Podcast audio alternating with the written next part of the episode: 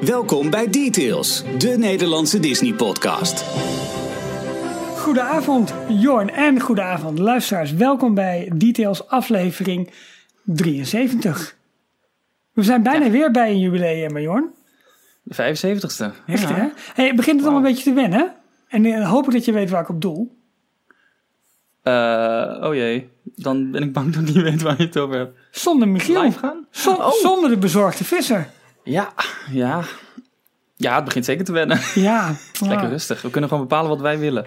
Ja, zit, dus. er zit niet iemand doorheen. eh. Universal, deze week. Wat is er allemaal gebeurd, Jorn?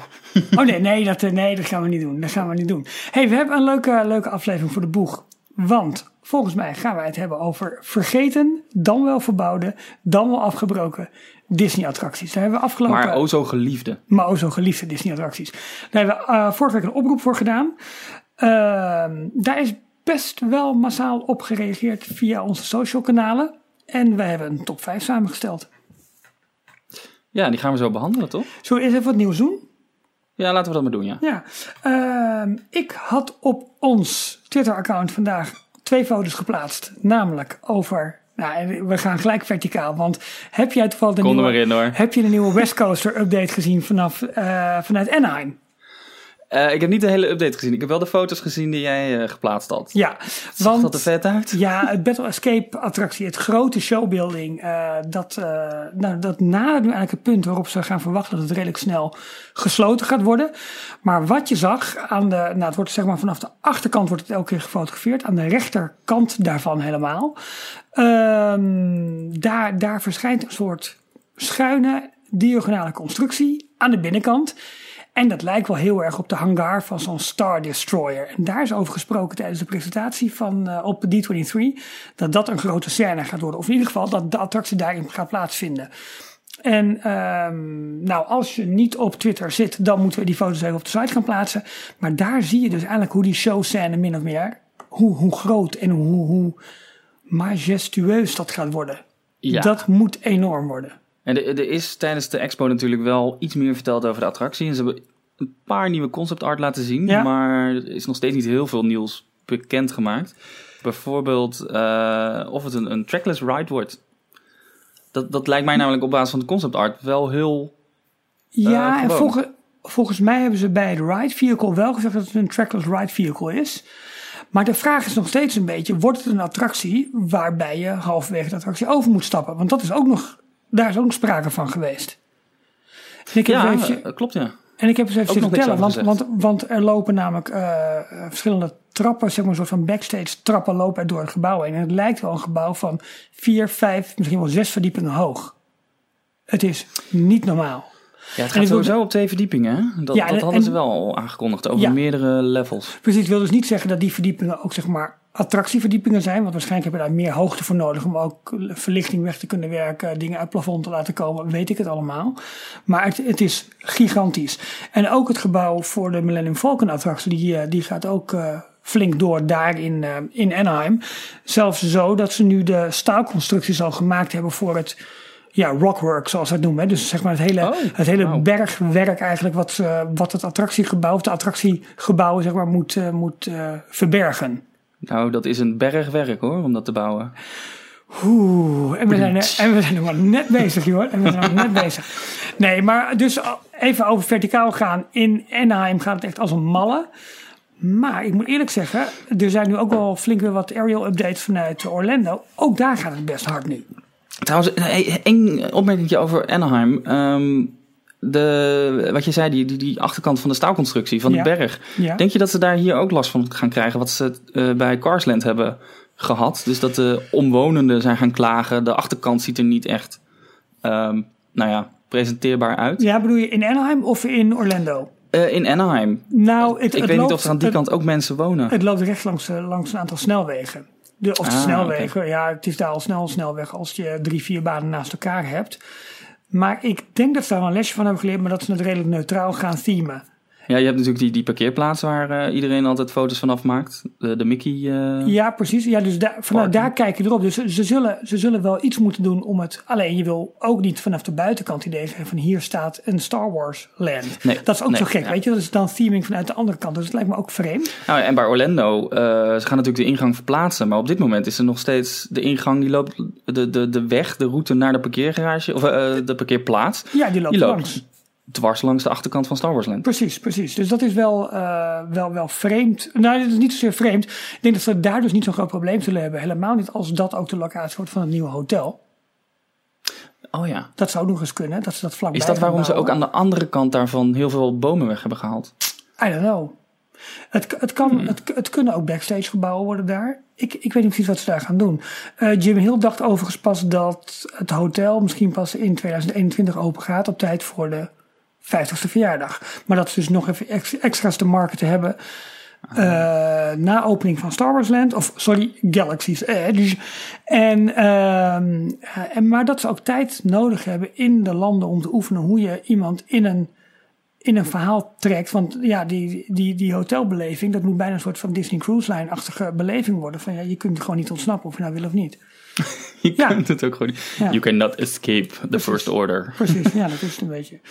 Ehm, ja, ik ben wel benieuwd hoe dat, hoe dat gaat. Maar de, de, de bouw gaat in ieder geval vrij, eh, vrij hard en snel nu. Ja, plus eh, de track is af, toch? Van ehm, to- eh, Slinky Dog. Ja, klopt. Die is helemaal compleet. Dus ik weet niet wanneer we daar treinen kunnen gaan verwachten. Maar ik denk dat ze dat echt pas de laatste maanden erop gaan zetten. Aan de andere kant, als ze dat goed willen, willen testen. Ik moest wel lachen. Er was een heel, eh, eh, hele thread op themepark.nl over de, nou ja, de bouw van eh, Toy Story Land en ook Galaxy's Edge. En daar begon, eh, begon men een hele discussie te starten over hoeveel treinen gaan er dan wel rijden. Want ja, er zitten zoveel secties op. En ik tel, als ze daar dan weer een, een afschietsectie hebben, dan kan er weer een extra trein bij. En komt toch wel op vier à vijf treinen uit. Vond ik wel grappig. Oh, wauw. Je, de, de, de echte achtbaan-nerds er nog eens een keertje eh, op basis van al die luchtfoto's eh, helemaal analyses op los gaan laten. Hoeveel Ja, treinen er dan wel niet komen. nou ja, kijk, Disney Canada moet het wel. Ik weet, eh, heb jij enig idee van de capaciteit die is afgegeven voor die, voor die attractie?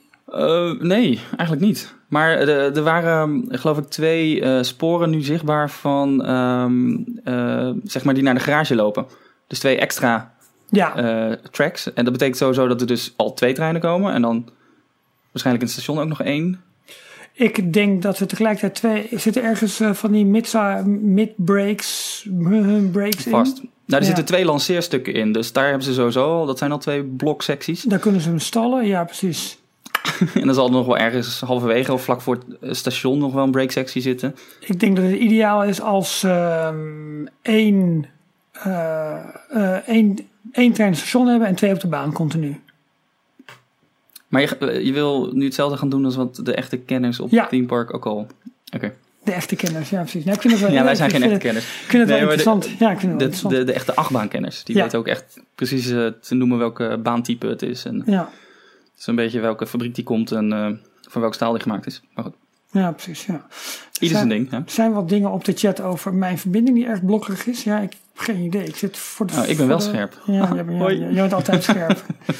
nou, toch met een andere camera gaan. eh nee, voor mij is de verbinding goed hier. Maar goed, eh, dat, ja, dat is eventjes niet anders. Dat horen de mensen gelukkig niet die alleen de. Of dat zien de mensen niet die alleen de podcast eh, luisteren. Eh, ander nieuws, Jorn. Ehm, we hebben het eigenlijk vorige week hebben we dat een beetje overgeslagen. Want ehm, eh, toen, toen hebben we eigenlijk D23 besproken. Maar er is best wel een leuke attractie afgelopen week opengegaan in Parijs. Ja, eh, drie dagen geleden officieel pas. Precies. 24, 24 juli. Eh, Ja. Pirates is weer open. Pirates of the Caribbean. Hey ho, hey ho. De Yoho, Yoho. Ja, Hey ho, hey ho. ja maar ja, sorry. Ja, Ah, Met die zeven dwergen. het, ja, maar het was meer ook van. Het, het was niet eens zozeer bedoeld als yo, yo, Maar goed, het was meer als van. Nou, blij. Goed dat hij weer open is. Ja, heel goed. Kom ik hem weer weg? Oh, gelukkig. Maar, eh, maakt niet uit. Maar ehm, eh, ja, eh, geopend met de nieuwe effecten. En ehm, klopt het eigenlijk wat... We hebben het al eerder over gehad toen de attractie net gesloten was. Toen waren we aan het eh, analyseren van wat zou het nou kunnen zijn. En er waren hier en daar wat geruchten naar buiten gebracht. Van er komt misschien wel een ehm, eh, hetzelfde effect net als in Shanghai. à la Jack Sparrow die ineens verschijnt. Ja. Nou, zoiets is er gekomen in de vorm van Barbosa die van Captain Barbosa binnen een flits in een skelet Barbosa eh, verandert. Ja. Die dit trouwens super vet uitziet. En hij, hij slaat ook met zijn arm, eh, eh, waar hij zwaard in heeft, vlak langs je bootje. Of zo lijkt het in ieder ja, geval. precies. Ja, is goed gedaan, hè? En, ehm, ja, en hoeveel Jack Sparrows krijgen we? Nou, eh, dat zijn er uiteindelijk maar twee geworden. Ja, maar hadden wij dat ook niet al voorspeld? Ja, later wel. Maar in het begin zaten we volgens mij nog meer aan de, aan de drie varianten die ze in, eh, in de Amerikaanse versies bijvoorbeeld hebben toegevoegd.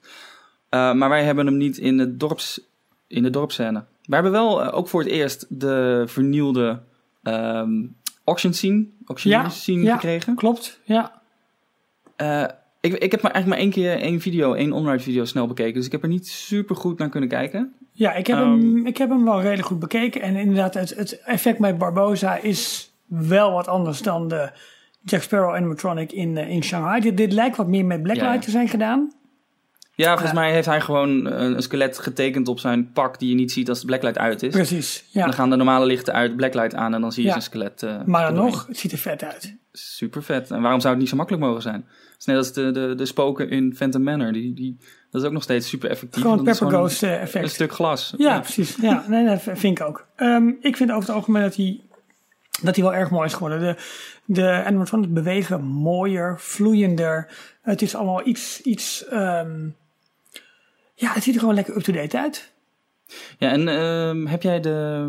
eh, nou, de Dueling Pirates, die zijn weer terug. Ja, Of tenminste terug. Eh, ze zijn er weer. Precies. Die, de vraag is voor hoe lang. Die zag er ook heel goed uit, vond ik. Dus Klopt. daar hebben ze echt wel weer eh, goed naar gekeken. ik vond het leuk dat de, de Swing Pirate toch nog gebleven is. We hebben, we hebben het daar trouwens Ja. wel even over gehad, volgens mij. Want toen vroeg je mij nog van eh, waar is die in Epcot te vinden? Nou ja, in de bijna niet meer open Great Movie Ride. Dat is niet in Epcot. Eh, in, Je bent in, echt niet scherp vandaag, Ralf. Hollywood Studios. Sorry, Ik pardon. ben een beetje blokkerig. Dankjewel, dankjewel. Eh David die trouwens vertelt dat hij al zeven keer in Pirates is geweest. En omvergeblazen is. Omvergeblazen. Nou, Staat maar zo- dicht bij het kanon. Eh, ja, maar die, die, die vond echt fantastisch eruit zien. Vernieuwingen zijn magnifiek. We zijn een keer op een donderdag, dus het is bijna weekend. Dus ik ben misschien ietsje, nog iets flauwer dan normaal. Oh, is dat? Oké. Nou, het zij, het het zij je vergeven. Het zij je vergeven. Maar nee, ehm, ik wilde ook nog iets zeggen over. ehm, daar heb ik wel wat de, de enige puntje van kritiek op gehoord. Ik heb het zelf nog niet gezien, maar de effecten van. ehm, eh, hoe heet die ook alweer? Eh, Blackbeard en. Is dat ook Barbosa? Nee, David Jones. Op, de, op een mistscherm ja, in de ja, lifthill. ja. Dat, dat schijnt een beetje misplaatst te zijn. En ik kan het me wel voorstellen, want dat is de, het allereerste nieuwe effect wat je ziet. Ja. Dus je bent langs het eh, Captain Jack's restaurant geweest. Mhm, mhm. Door de, door de ehm, is het een bayou bij ons? Nou ja, door, Ja, het eerste stuk toch wel? Is toch de Dat bayou? eerste stuk, hè? Ja, Ja. precies, bij het restaurant. En dan ga je het fort in, dan word je Ja. omhoog getakeld. En Ja. dan zie je dus op een mistscherm, zie je... Oh, dit is ehm, daar al. Ja, dat kan me ervoor dat het een klein beetje... Dat is een beetje vroeg, want je hebt nog helemaal niks van het gevecht gezien. Je hebt de setting van het dorpje helemaal nog niet gezien. Nee. Het is natuurlijk herkenbaar vanuit films, dat zal, maar dan, het lijkt het alsof het er dan een beetje met de haren wordt bijgesleept. Davy noemt het mistplaatst. Dat is ook een goede. Over flauw gesproken. Dankjewel, Davy. Ehm, maar goed, al met al, ik vind het een mooie upgrade. Ik blijf het jammer vinden dat ze het restaurant anders genoemd hebben en een iets andere kwink hebben meegegeven. Eh, wel goed dat, dat Jack Sparrow daar zo nu en dan ook gewoon rondloopt. Dat is denk ik gewoon slim, marketingtechnisch. Maar... ehm, Heb je dit ja. eh, menu gezien trouwens? Nee, eh, hebben we niet gezien. Nee. oh. Er is een menu verschenen, dan moet ik het even gaan opzoeken. Dus Mhm. als je het nog even vol weet te praten, dan... Oh, Oh, oh, oh, dat wordt Ja, nee, maar ik vind, ik vind het jammer, want ehm, in Disneyland Parijs hebben de, ze hebben of hadden een aantal restaurants niet direct een link met een character. En dat vind ik heel prettig. Dat zullen we zo meteen ook wel gaan behandelen met, eh, met eh, de attracties die er niet meer zijn. Dat was allemaal nog niet zo IP gebaseerd. En ik denk toch wel dat veel ehm, ja, Disney-liefhebbers dat graag zien, omdat daar de uniekheid van Disney in, in schuilt. Dus dat is dan jammer. Aan de andere kant, ja, we begrijpen het denk ik wel allemaal. Eh, Toch? ja, er is een menukaart verschenen. Café Mickey, Ja, eh, een Belgische fansite. ja. Die heeft eh, zijn foto's geplaatst op onder andere Facebook en Twitter. van de Nederlandstalige eh, nieuwe menukaart van Captain Jack's. Oké. Dat is dus, ehm, mochten mensen dat nog niet weten, als je gaat eten, je kan altijd vragen naar een Nederlandstalige kaart. De meeste restaurants hebben namelijk een, eh, een vertaling. Ja. Want vaak krijg je of de Franse of dan hooguit de Engelse in je handen geduld. Mhm. Maar als je gewoon even doorvraagt, dan, dan geven ze de Nederlandse. En we letten wel op, soms geven ze wel eens de Duitse, want dan denken ze dat je, dat je uit Ja. Duitsland komt. Ja. Gebeurt wel vaker. Ehm, er zit een, eh, een tekening op de voorkant van, eh, van Jack zelf met een... eh, hij heeft iets geschreven. Kapitein Jack Sparrow. Ja, het is een iets toegankelijker menu. Hè. Het, is niet zo, het, was, Ja. het was met name echt heel veel vis en dat soort eh specialiteiten. Ik heb er ooit een keer een. Nou, dat was, was een enorme schotel met allemaal garnalen en, en oesters volgens mij. En eh, ja, echt wel echt voor de vis die hard. Ehm, dat is nu iets toegankelijk, ook wat meer andere gerechten erbij. Ja, ze hebben één eh, menu. Of hebben ze er twee? Wacht even hoor. Eh, menu van, oh, er zijn twee menus. Schat van de pi- piraten en schat van de kapitein. Schat van de piraten is 39,99. 40 Ja. euro voor een drie gangen menu. Ja, Drankjes niet inbegrepen. Kan je voor voorgerechten kiezen uit een vissoep van de eilanden. Of een eh, quinoa of quinoa salade met een gekruide cashewnoten vinaigrette. fantastisch. Hoofdgerechten in de oven gegaarde mahi-mahi filet met een saus van kokos en paprika. Of langzaam in de oven gegaard varkensvlees met geroosterde aubergine en pompoen. Dus dat is ook een vleesvariant Ja, in plaats van vis. Eh, en als nagerecht rijstebreipudding van de eilanden met mango kompot. Of een soep van exotische vruchten m- suiker. Eh, reken ik goed. Ja, oké. En een espuma van kokos. Ik zou op god niet weten wat dat is. Dat is een soort schuim. eh, ja, de- nou, het is niet een dessert, maar het is een, eh, een schuimdrank, drankje. Laat ik het zo maar even Ah. zeggen. Of ja, hapje. Ja, ik weet niet. Ik vind het lastig om uit te leggen. Eh, lekker, van kokos. Heerlijk, kokosschuim. Maar dat is het goedkoper menu, want je hebt ook nog een menu van de kapitein. En dat is 55,99. Mhm. Ook geen drankjes in, eh, inbegrepen. Wel voorgerecht, hoofdgerecht, nagerecht. Ja, Ehm, en het zit, er dan, zit hem dan voornamelijk in de iets chicere gerechten, denk ik. ja. Voorgerecht, gemarineerde garnalen, shallot, papaya en een avocado salade met citrusvruchten en munt. Oké. Of gemarineerde witte tonijn, koriander, limoen en gebakken taco. En dan als hoofdgerecht gegrild rundvlees met pikante gerookte peper, garnalen, erwten, uien en paprika. Of gestoomde vivano-filet, gerookte aubergines en tomatenchutney met gember. Goed, jij bent ook zo'n type, Jorn, dat als we jou een woordenboek geven, dat je gewoon een hele avond het woordenboek voor, voor gaat zitten Nou, lezen. valt reuze mee. Maar Oh. ik kom er weer achter dat ik allemaal moeilijke woorden uit moet spreken. Ja, jij Nagerecht mag je gewoon van de kaart kiezen. Dus dat... Top. eh, ik ben benieuwd. Het, het, het klinkt lekker, maar het is 55,99. Dat is wel- Ja, het is heftig. Maar ja, goed, al die, al die, eh, al die, ehm, die restaurants hebben wat dat betreft wel een beetje eh, hebben een upgrade gekregen. In ieder geval in prijs. Ik weet niet of het ook in smaak is, zelfs dat het echt overal ook zo uitvalt. Eh, maar ja, het- ze gaan voor het iets hogere segment voor die restaurants. Ja. Ja, Nou ja, wel goed dat, er weer, eh, dat het weer open is. Want het dat is een, eh, absoluut. zeker een, het was een groot gemis dat er geen, eh, geen goede sit-down eh, table service restaurants open waren de afgelopen tijd. Klopt, ja. Ehm, ja, en als we dan eventjes naar de andere kant van Parijs gaan, naar de studio's. Daar kwam opeens vandaag via Twitter een gerucht dat Art of Animation, Armageddon en Disney Junior Live on Stage, heet dat volgens mij, die, eh, die, eh, die kindershow, dat die op de nominatie staan om gesloopt te gaan worden.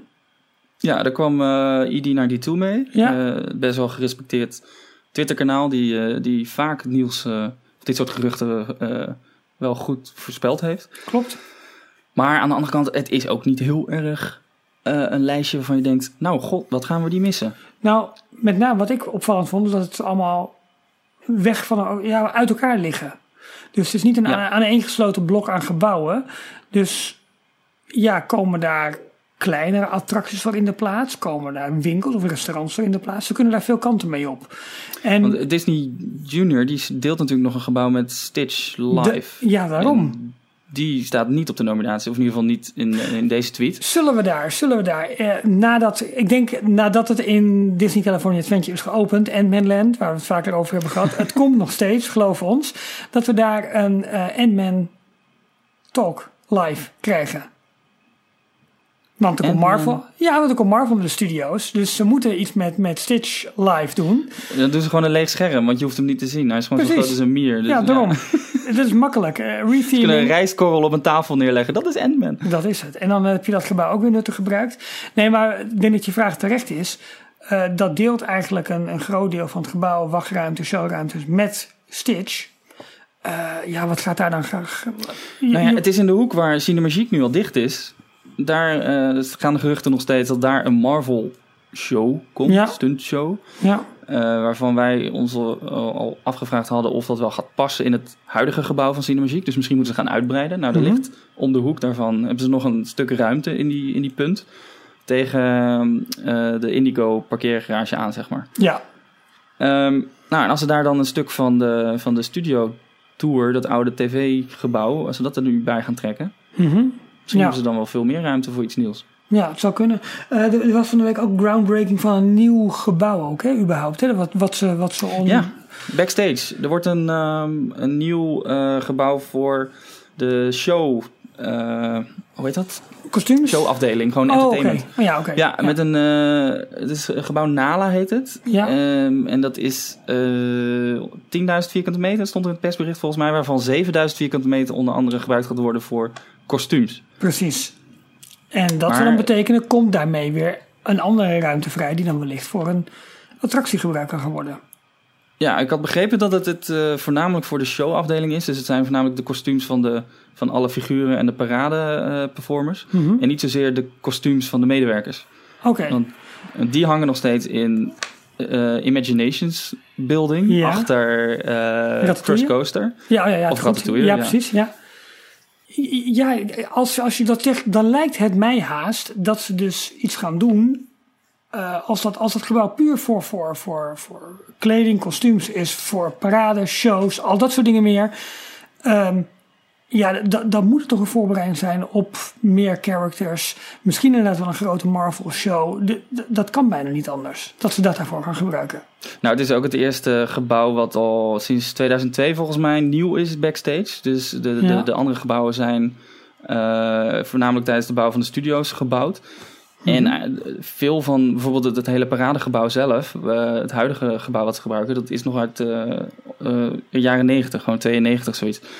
Dus het kan heel goed zijn dat, eh, dat dit gewoon een, broodnodige update is van, eh, van de backstage eh, gebieden. Ja, ja. Hmm, we, we moeten het afwachten. Ik, ik, ik denk dat we echt nog even geduld moeten hebben met echt een grote aankondiging van de studio. Nadat we alleen nog maar het hotel natuurlijk hebben gekregen in, tijdens D23. Eh, geduld, geduld, geduld. Het is lastig. Ja. Maar het is, het het zien. is niet anders. Er zijn inderdaad wel wat, eh, wat, eh, wat, wat geruchten. Eh, Tim zit ook op de chat. Misschien een meet and greet in het Armageddon gebouw. Ehm, en wat zegt hij nog meer? Het V8 café uit Cars zou ook nog kunnen komen. Oh. Ja, maar dat moet dan wel weer passen in... Kijk, het V8 Café in Carsland in Anaheim ligt heel tof in Carsland. Precies, dus dat zou dat meer in Toon Studios zeg maar, gedeelte moeten gaan komen. Ja, als je dat dan los Lijkt gaat plaatsen, dan, dan weet ik weer niet of het zo, zo goed uit de verf komt. Lijkt me ook wel. Plus, Lijkt me ook wel. ik zou er toch echt een attractie verwachten. Want je hebt al Blockbuster of Backlot Café daar zitten. Waarom zou je dan nog een keer een restaurant erbij openen? Lijkt me, en je hebt ook nog dat eh The Star, zit daar toch ook? Dat, dat Zit wat grote restaurant. Dat zit ook precies om de hoek. Ja. Hm, nou ja, goed. We, we zullen moeten wachten. Ja, verder, ja, het grootste nieuws uit Parijs was dan inderdaad volgens mij gewoon Pirates Open. Eh, en ehm, en ja, de geruchten die we dan hebben, maar de groundbreaking ook voor dat, ja, noem het dan maar even, eh, backstage eh, gebouw. Eh, we moeten nog even terug naar Disney Hollywood Studios in Orlando. Want daar werd opeens toch gisteren wel wat interessants gemeld. Dat er eh, een, ja, hoe, hoe noemen ze het? Moet ik even op mijn aantekeningen kijken.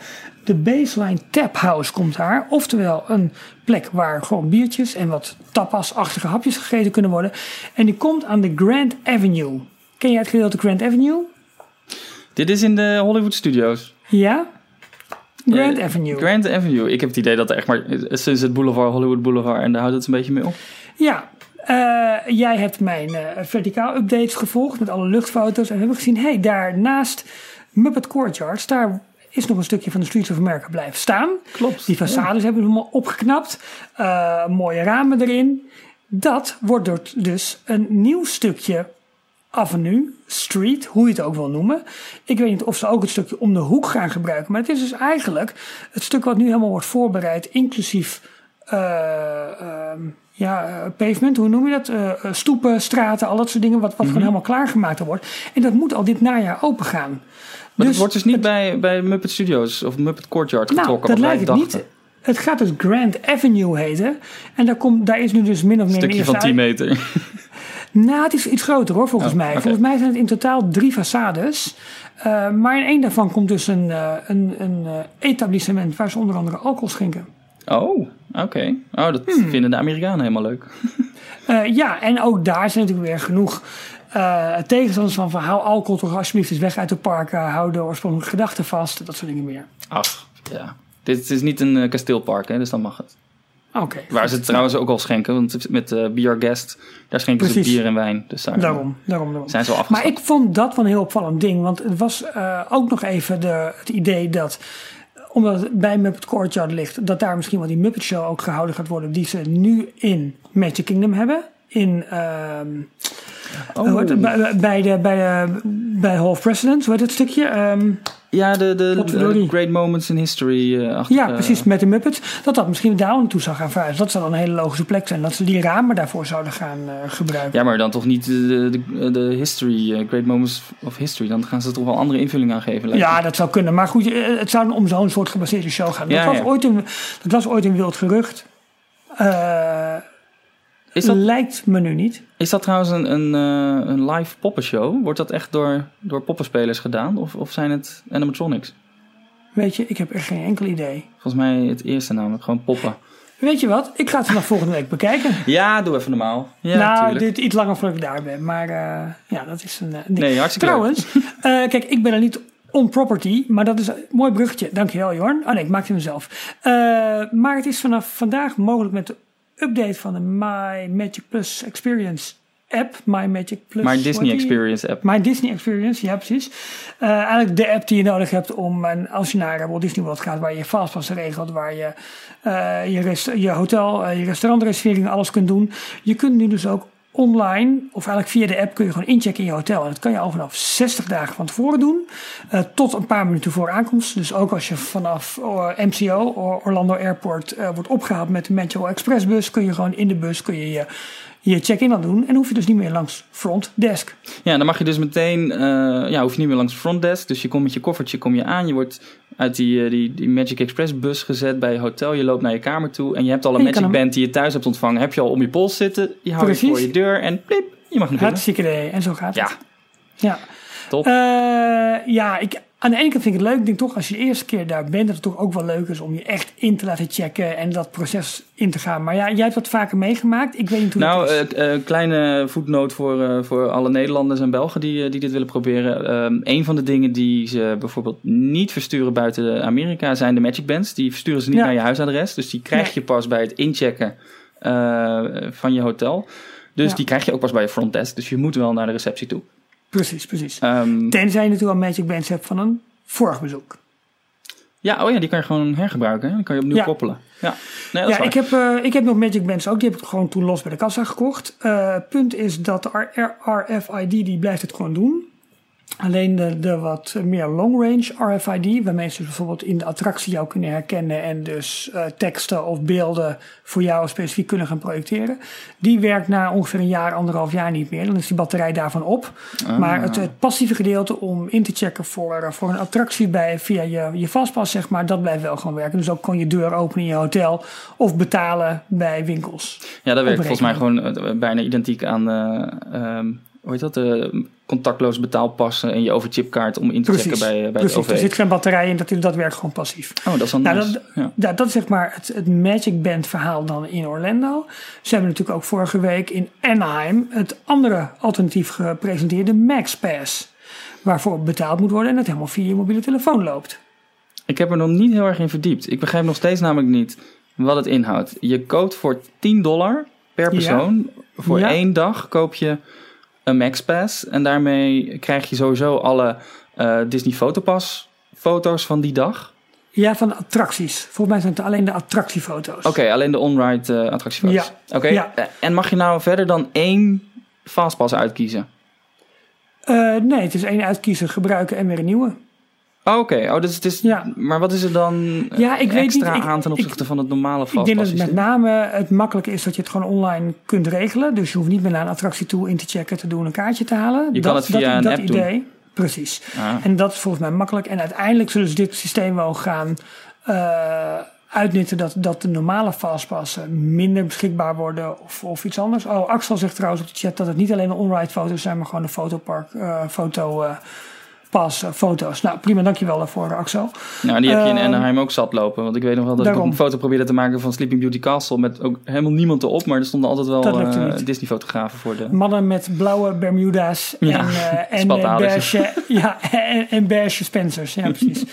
Ehm, maar goed, ehm, eh, ja, dus eh, ik denk dat dat systeem nu redelijk makkelijk zeg maar, wordt, uitgerold. Maar zometeen zal dat een premium gaan worden. En kan wel eens een cruciale rol gaan spelen in eh, hoe Star Wars Land Galaxy's Edge wordt gemarket. Volgens- ja, volgens en mij- toegankelijk wordt gemaakt. Alles wat we nu zien aan dit soort kleine eh, innovaties en kleine uitprobeersel dingetjes, dat zijn allemaal tests voor systemen die ze in Star Wars Land gaan, gaan Dat uitrollen. ook. We hebben vorige week gehad over het eh, nieuwe restaurant bij Mission Space. Het, eh, het ruimterestaurant met de grote ramen waarin je zeg maar in, eh, in, ja, in de ruimte kijkt en dingen ja, in de ruimte ziet vliegen en doen. Weet je nog waar, het, waar we het over gehad hebben? Ja, dat Mission Space. eh, Precies, dat wordt ook een grote test geacht te, te worden voor het Star Wars Hotel. Want hoeveel beweging kunnen mensen aan tijdens het eten van hun maaltijd? Moeten we daar echt meteorieten, eh, voorbij, meteorieten voorbij laten schieten?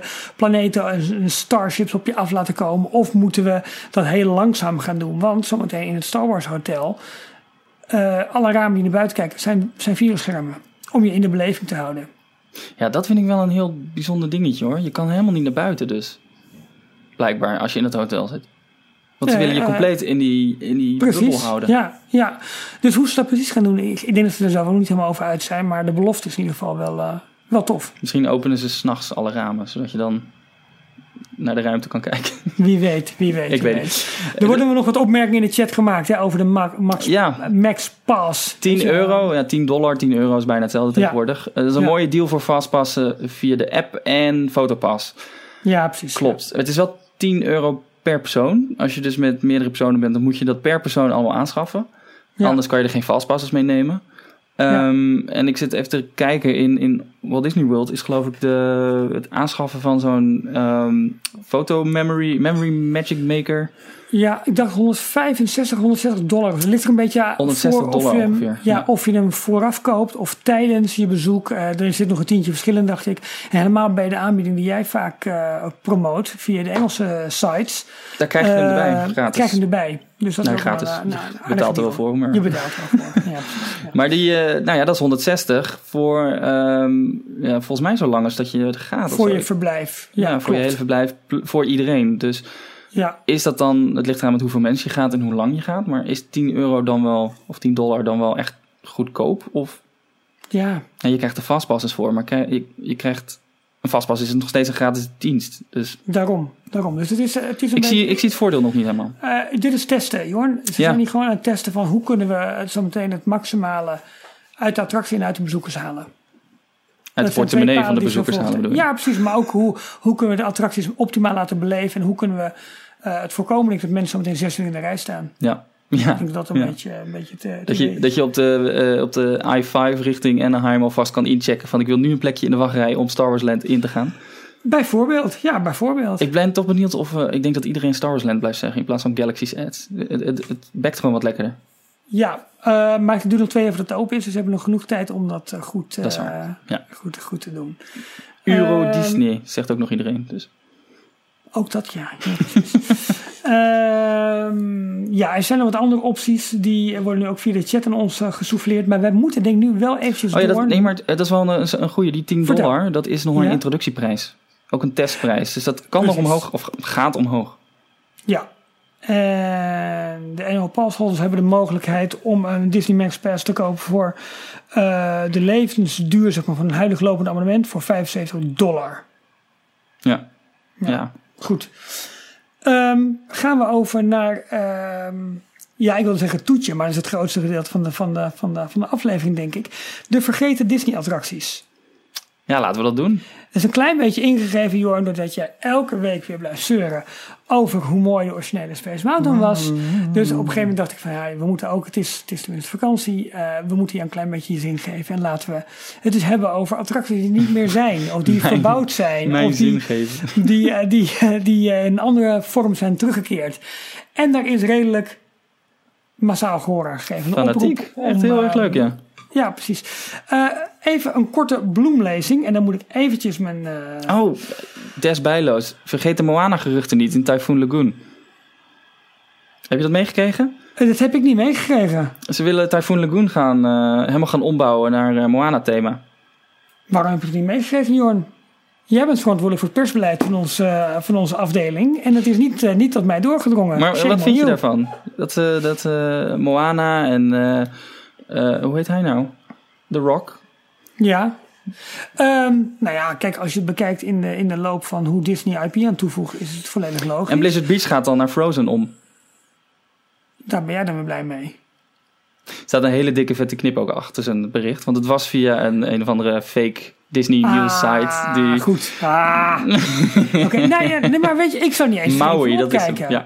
Ik Nee. zou niet eens vreemd van opkijken. Als Nee, nou dat is het ergste eigenlijk. Hè? Dus is Frozen in Blizzard Beach en, en eh, eh, Moana in Ty- Typhoon Lagoon. Ja, het past. Dus waarom zou je het niet... eh, Als ze wat elementen toe zouden voegen, zou ik het prima vinden. Als ze het volledig daarop zouden gaan enten, zou ik het heel erg jammer vinden.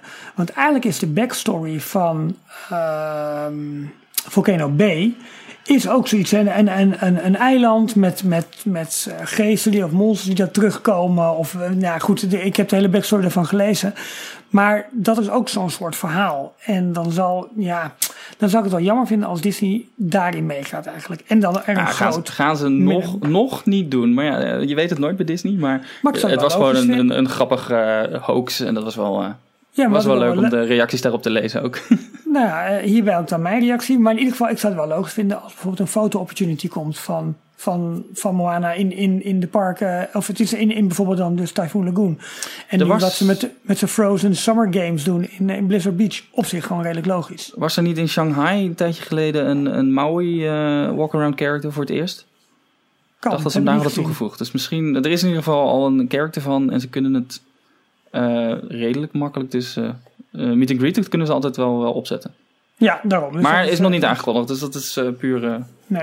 Ik ben benieuwd, want ik, eh, ik ga denk ik wel naar, eh, naar Typhoon Lagoon toe. Dus ik ben ook wel benieuwd naar de nieuwe, de nieuwe glijbaan daar. Die Miss Adventure Falls. ja, ik ook. Ik eh, moest, ehm, eh, trouwens, dat, dat moeten we nog eventjes zeggen. We, we werden, ehm, ik heb van de week geluisterd naar Ochtend in Pretparkland. Die kwam voor de, met de eerste aflevering van dit seizoen. Met hun ervaring van de Amerika-reis eh, van Erwin, die daar geweest is. Aan zowel de westkust als de oostkust. En het was weer smullen. Heb je geluisterd? Ik heb hem nog niet gehoord. Nee. Oh ja, dat, Nee. dat, dat moet, je, moet je even doen. Het was een, een, een uitermate prettige podcast om, om te luisteren met Amerika-verhalen. En je komt gelijk weer in de, in de sfeer van, van de parken. Eh, veel tips ook hoe de fastpassen te gebruiken, wat wel, wat niet te doen was. En eh, dus Ochtend in Pretparkland is naar een eh, hiatus van een aantal maanden weer, eh, weer terug. En dat is fijn.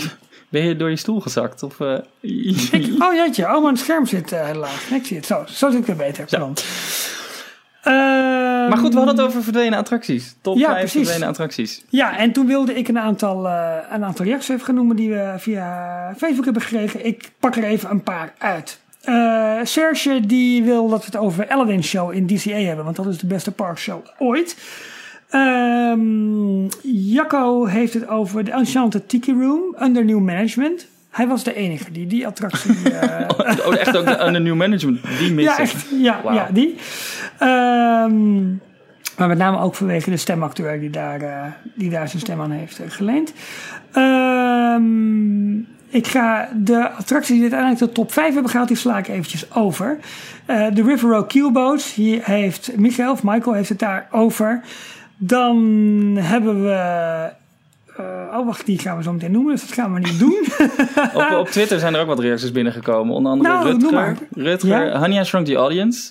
ja, tuurlijk. Ehm, America Sings in Disneyland. Cranium Ja. Command. Body Wars in Epcot.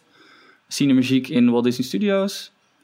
Mm, Even kijken hoor. Ehm, Kevin die meldt Rocket Rods. Weet je dat nog? Dat is zeg maar, dat zijn die, eh, die, die soort nou, bijna boosterbikes, die gingen er wel gewoon in zitten, die over uh, de track heen gingen van de Omnimover in Tomorrowland, in Disneyland en Anaheim. Ja, daar zijn En hele leuke is- verhalen over te vertellen. Want dat is door, door de ombouw van dat systeem, wat falikant mislukt is, eh, Ja. hebben ze nu in Anaheim al jaren geen, eh, geen Omnimover meer.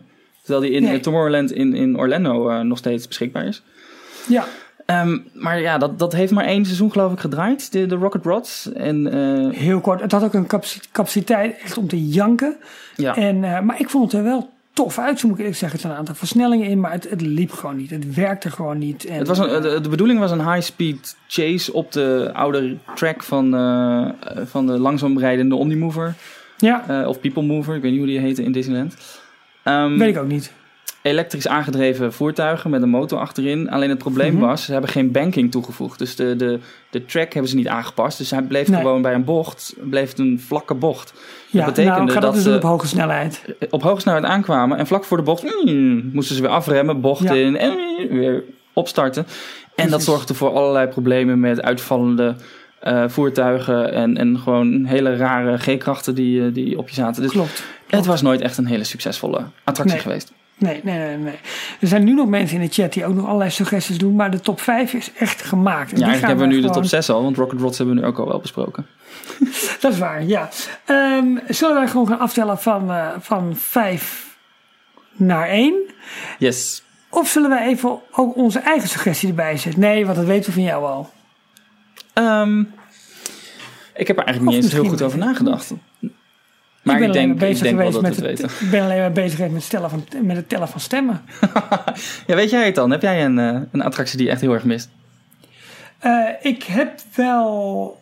Nou, ik had er meerdere wel, denk ik. Ik heb niet echt. eh, ik, ik, een beetje zoals jij. Ik ben meer, ik heb, ben meer bezig gehouden met wat mensen vonden. En dat tellen en dat opschrijven en informatie zoeken en dat soort dingen. Dan dat ik zelf er echt heel erg over na heb gedacht. Ik, ja, heb ik eigenlijk ook een beetje. Ik weet, ehm, ik zit er nu aan te denken. En wat is een criteria voor een, een attractie in je top 5 te mogen zetten? Moet je hem ook echt gedaan hebben? Of moet je hem alleen maar... Nou, in mijn geval Kennen. vind ik wel. Want ik. eh, eh, ik ja, eh, voor mij is wel dat ik hem gedaan zou moeten hebben. Oké. Ja, dan staat toch Space Mountain, de La Terre à la Lune, wel heel erg hoog in mijn lijstje. Ja, Want die, die mis ik gewoon echt. En Ik denk dat het ook pure nostalgie is en, en veel mooier gemaakt dan, het, dan die daadwerkelijk was. Mhm. Maar ehm, ja, alleen de muziek al. Dat is perfect. Maar eh, bijvoorbeeld een, een attractie die ik zelf nooit gedaan heb en waar ik dan best wel heel erg benieuwd naar ben, Mhm. is Alien Encounter. ja. Is dat een bruggetje, Jorn? Dat was een bruggetje, maar ik weet niet of jij nog een bruggetje af wil maken. Wil jij nog? Nee, ik, ik pak hem gewoon op, want die is namelijk al op de vijfde plek geëindigd.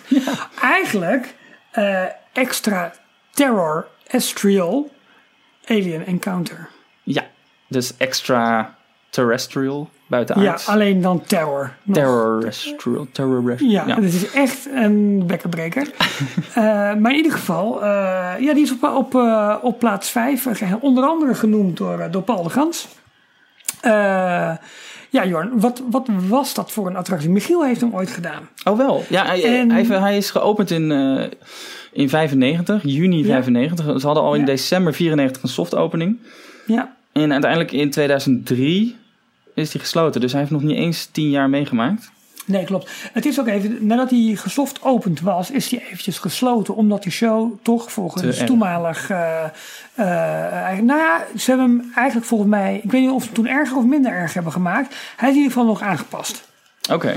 En Dus hij is toen een tijdje gesloten geweest. En daarna is dus pas in, eh, in ja, eind voorjaar, begin zomer eh 95 is hij weer geopend. En, We hebben het trouwens ja, over Tomorrowland in eh, Magic Kingdom. in Magic de Kingdom. enige locatie waar die, waar die geopend is. Hij was wel voorzien voor meerdere eh, eh, parken. Onder andere ook Euro Disneyland destijds. Ja. Maar daar, ja, eigenlijk is die nooit toegevoegd vanwege het, de reacties van de, van de Ja, het, het verving. het, het, het, op dit moment zit de attractie van Stitcher, Stitch Encounter, zit er. Stitch's Great Escape. En dat is, dat is het, ja, sorry. En eh, daarvoor was Mission to Mars. Dus het is een locatie die meerdere invullingen heeft gekregen. En op een gegeven moment was er dus Alien Encounter. En uh, ja, wat, wat, wat, wat gebeurde daar? Nou, de mensen die, die Stitch, eh, Stitch's Great Escape wel eens gedaan hebben, want die, daar kan je nog steeds in, die, die zitten Ja. op dit moment nog steeds. Dat is een heel erg ge, eh, eh, ehm, lieflijk gemaakte versie van eh, de Alien Encounter attractie. Ja, ja, klopt. Maar de, het, het idee erachter is hetzelfde. Je hebt. ehm, ehm, gaan we het hele verhaal uitleggen?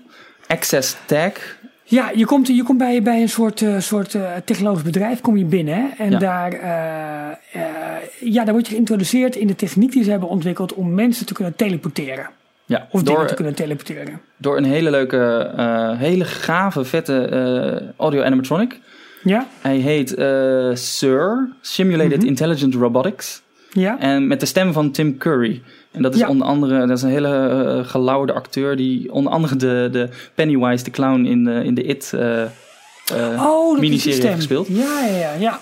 Ehm, en ik geloof, eh, hij had ook een geintje, volgens mij was hij dat, eh, met, met zijn, zijn code in zijn naam, dat hij blablabla dash 90210 Oh, echt? als verwijzing naar Beverly Hills. Ja, naar Beverly Hills. 90210. Ja, precies. Ja. Maar goed, vertel verder.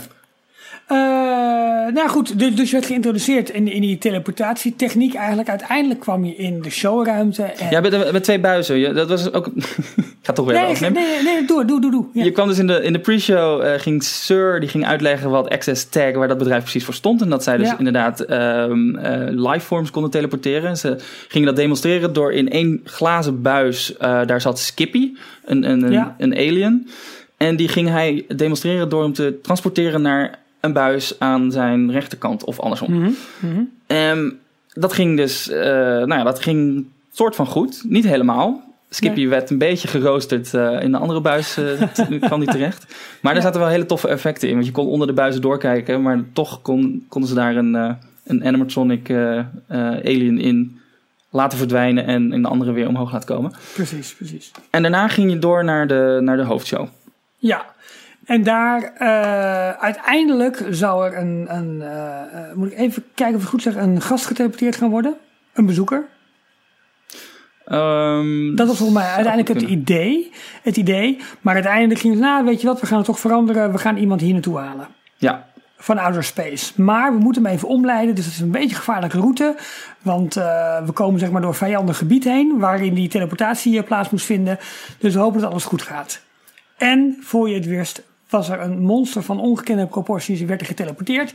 En verscheen midden in een grote glazen buis die in het midden van de ruimte stond. En dan zat je zeg maar, als in de showruimte zat je daar omheen. En je had allemaal een soort harnas om je, om je, over je schouders heen. ja, en dat was het. Waardoor je, ja, waardoor je geen kant op kon.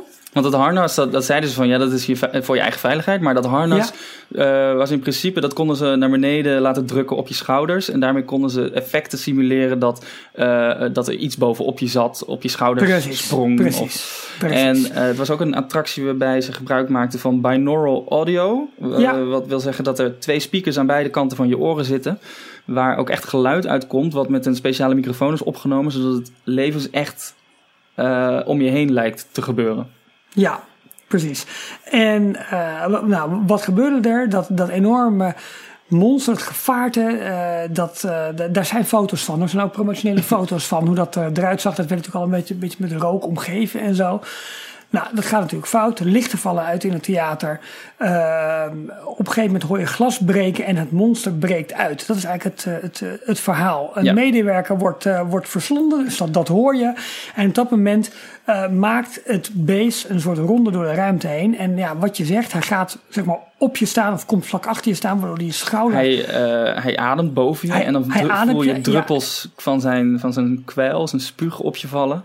Precies, je voelt zijn adem in je, in je, in je nek. Dus Ja. de ervaring was leven is echt. En de reacties op die attractie waren zeer gemengd. Want er kwamen mensen echt doodsbang uit. Als je dus enigszins claustrofobisch bent of bang bent, bij wijze van spreken, voor, voor spinnen of weet ik veel wat. En je bent dus in een ruimte waarop er dus een beest om jou heen loopt.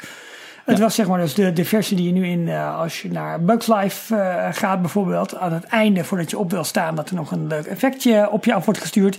Maar dan in, ehm, in eh, XXL vorm.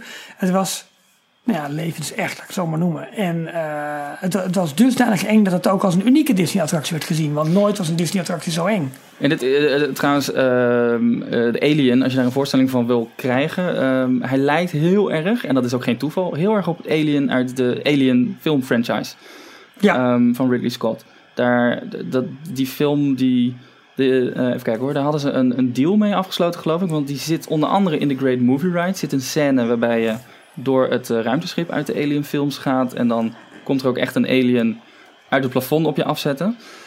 Ehm, Michael Eisner die wilde eh, meer attracties voor tieners. Die was erachter gekomen dat voor kleine kinderen veel te doen was. Voor de wat oudere mensen, die, die gingen al met de kinderen mee. De ouders ook allemaal prima. Maar de, de jongeren, eigenlijk de doelgroep waar voornamelijk een Universal heel erg eh, hard op ging. Daar was nog te weinig voor te vinden in de Disneyparken. Dus hij nam, ehm, ik geloof George Lucas, dat, die, die is er ook bij betrokken geweest. Nam die in Oh, de oké. arm om, ehm, eh, om aan dit project te gaan werken. En eh, George Lucas had natuurlijk net succesvol onder andere samengewerkt met ze voor ehm, eh, even kijken, eh, Star Tours. En inmiddels ook wel voor Indiana Jones Adventure. Mhm. En eh, ja, zo zijn ze eigenlijk terechtgekomen op, op dit concept. Maar het bleek, het bleek allemaal te eng. En ze kregen heel veel klachten van voornamelijk ouders die met kleine kinderen naar binnen waren gegaan. waarvan Ja, ze precies. niet echt vooraf gewaarschuwd werden van misschien is dit niet echt iets voor kleine kinderen. Eh, waarbij dus de kinderen jankend naar buiten liepen. eh, en dan vervolgens de ouders bij, eh, bij City Hall gaan klagen. Ja, waar ik nou net in geweest ben, dat kan echt niet. En ja, met als gevolg dat ze in 2003 de attractie gesloten hebben en omgebouwd hebben naar, naar Stitch's Great Escape. Precies. Wat een wat slapper aftreksel is. Maar ik moet eerlijk zeggen, mijn zoontje die was toen hij erin ging, ik denk een jaar of acht. Die vond hij ook heel eng. Daar staat echt één. eh, Het zijn, het zijn twee hoofdruimtes. Hè? Ik wist niet of je, dat, eh, of je dat al wist, maar ze hebben twee Nee, keer dezelfde niet. Nee. showruimte. Oké. Eh, daarin, daar staan echt de meest, voor, nou zeker voor die tijd, vond ik heel, eh, meest geavanceerde animatronics. Nou, niet meest geavanceerde, want inmiddels zijn er wel betere gekomen, maar Ja. de ja. Stitches die komen, die dus in die buis getele- geteleporteerd wordt, Mhm. die ziet er echt ook super tof uit. Die loopt heen en weer en die heeft zes armen en die kan die allemaal bewegen en zijn, zijn Ik haren kunnen omhoog gezet worden. Ik heb hem nooit gedaan, dus ik ga hem denk ik deze zomer toch een keertje doen. Oh ja, dat moet je echt doen. Kan voordat leuk. Het eh record, record Rolf wordt.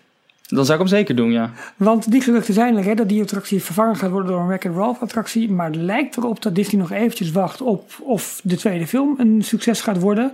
En wat Universal gaat doen met Nintendo Land. En dan met name met de Mario Kart attractie. Want het zal zo'n soort achtige attractie eh, worden. Ik vind het wel leuk, in de chat zijn er een aantal mensen die hem inderdaad gedaan hebben in de jaren negentig. Ja. En die, sommigen die herinneren zich er helemaal niks meer van. Maar dat de alien ineens voor hem stond, dat herinnert hij zich nog. Ja, precies. Olaf, en, eh, is en, onder andere. ja, Martin heeft erover dat eh, de helft van de zaal aan het huilen was en de andere helft zat te lachen. Pepijn heeft erover dat George Lucas het eerste concept helemaal niks vond en dus een nieuwe treatment voor het hele verhaal heeft, Oh ja, eh, heeft geschreven. Ja, precies. Hij is er wel bij betrokken geweest, hè. Ja. Ehm, nummer vijf was dat. Er was ook een hele.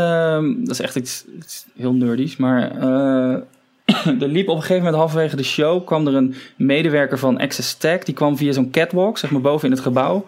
Met een zaklamp kwam die vragen. Want het hele, de hele zaal was pikken donker. De, licht- de stroom was uitgevallen, licht was uitgevallen. Maar die alien die zat nog ergens. Mhm. Eh, en dan liep hij met een zaklamp boven te schijnen. En er was een. Ik weet niet meer of er nou een verhaal was. of dat nou een echte zaklamp was. of dat dat gewoon iets aan een touwtje was. Ah, oké. Maar dat was de, de, de medewerker die er uiteindelijk opgegeten werd. Ja, precies. En dan Ja. voelde je het bloed zo op je. Ja, ik, eh, Michiel vond hem ook angstaanjagend. Wel goed, wel leuk, maar wel van wow, wat, wat ik hier heb meegemaakt. Nou, niet Disney waardig. Eh, zeker niet de locatie in Tomorrowland in de Magic Nee. Kingdom. Was Ja. misschien een beetje verkeerd gekozen. Precies. Ik denk ja. dat hij in een eh, Hollywood Studios beter tot zijn recht Misschien beter. had kunnen komen. Ja. we doorgaan naar nummer 4? Nummer 4, Yes. nummer 4, nummer 4. Dat is een ride in, eh, in Epcot geworden. Eh, er waren veel suggesties voor rides in Epcot. En daar wordt natuurlijk nu ook veel gesloopt, wordt nu veel veranderd, wordt veel IP toegevoegd. Maar dat park was feitelijk Walt's droom voor Florida. Tenminste, een bewerking daarvan. Want de experimentele stad van morgen, dat zou het Florida Project moeten worden.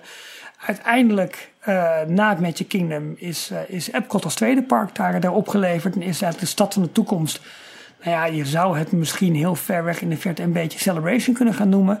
Maar Epcot werd niet zozeer een echte levende stad waar mensen woonden en waar mensen naar hun werk gingen. Maar het werd een, een pretpark, maar wel, dus een themapark. Uh, alleen wel met ook. Um, ja, aan de ene kant aandacht voor uh, de landen en de ontwikkelingen in de wereld. En aan de andere kant de ontwikkelingen in Future World op het gebied van transport, gezondheid, eten, drinken, ruimtevaart, uh, beweging, uh, energie, al dat, soort, al dat soort dingen. Nou, een van de. En verbeelding. En over dat paviljoen gaan we het hebben, want de attractie op nummer 4 is geëindigd, is Journey into Imagination geworden. En daar moeten wij uh, als uh, Tony Baxter fans, uh, Jorn, moeten wij daar een beetje warm voor worden. Want dat is een ja, attractie zeker. die hij voor een groot deel heeft, heeft gecreëerd. Het is... Nou, heb, jij, heb, jij die, heb jij die gedaan? Ik heb hem volgens mij niet gedaan. Ik heb een, een, een, de, de laatste slappe aftreksel heb ik wel eens gedaan. Maar dat, dat stelt niks meer voor met wat het ooit geweest zou moeten zijn. Nee, Want hij is momenteel was... nog steeds wel beschikbaar, toch?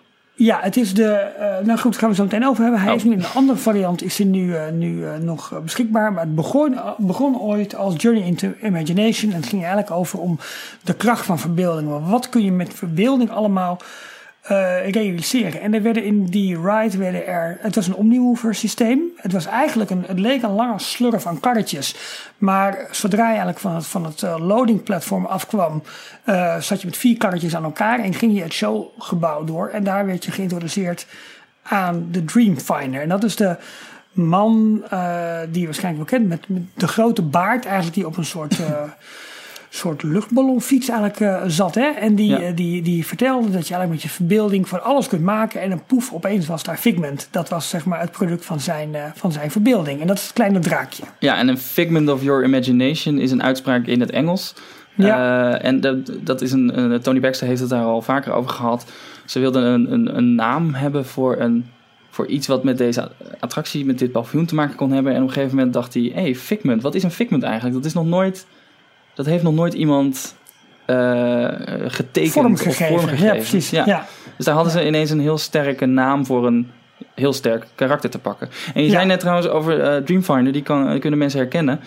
Mensen die in uh, Phantom Manor geweest zijn, kunnen hem zeker ja, herkennen. Want zeker. dezelfde uh, mal van de animatronic die gebruikt is voor Dreamfinder, dat is ook um, de, de burgemeester hè? van de burgemeester in het uh, Phantom Canyon is dat toch? De laatste eindscène van, uh, van Phantom Manor. Noem het maar even het spookstadje aan het einde van, uh, van Phantom Manor in, in Parijs, inderdaad. Ja, klopt. Um, ja, wat, wat um, die attractie, dat was toch wel een geliefde attractie bij veel, bij veel mensen. Um, je, je, gaat dus door het gebouw heen en er wordt eigenlijk, worden allerlei kunsten, wetenschappen, al dat soort dingen worden eigenlijk getoond aan de hand van wat je dus met je verbeelding eigenlijk allemaal kunt, kunt bereiken. En um, uh, die attractie is op een gegeven moment, moet ik even kijken naar de jaartallen. Hij is gesloten in 1998. En toen, je werd eigenlijk na afloop van die attractie werd je uitgenodigd om naar Imagination Works, of hoe heette dat? Um, weet je dat Imageworks. Imageworks. Om naar zeg maar, het aansluitend paviljoen te gaan. Om daar met je eigen verbeelding aan de slag te, te gaan. Maar uh, in datzelfde, uh, in die glazen piramide, uh, is op een gegeven moment Honey I Shrunk the Audience gekomen. En toen is ook Journey into Imagination is toen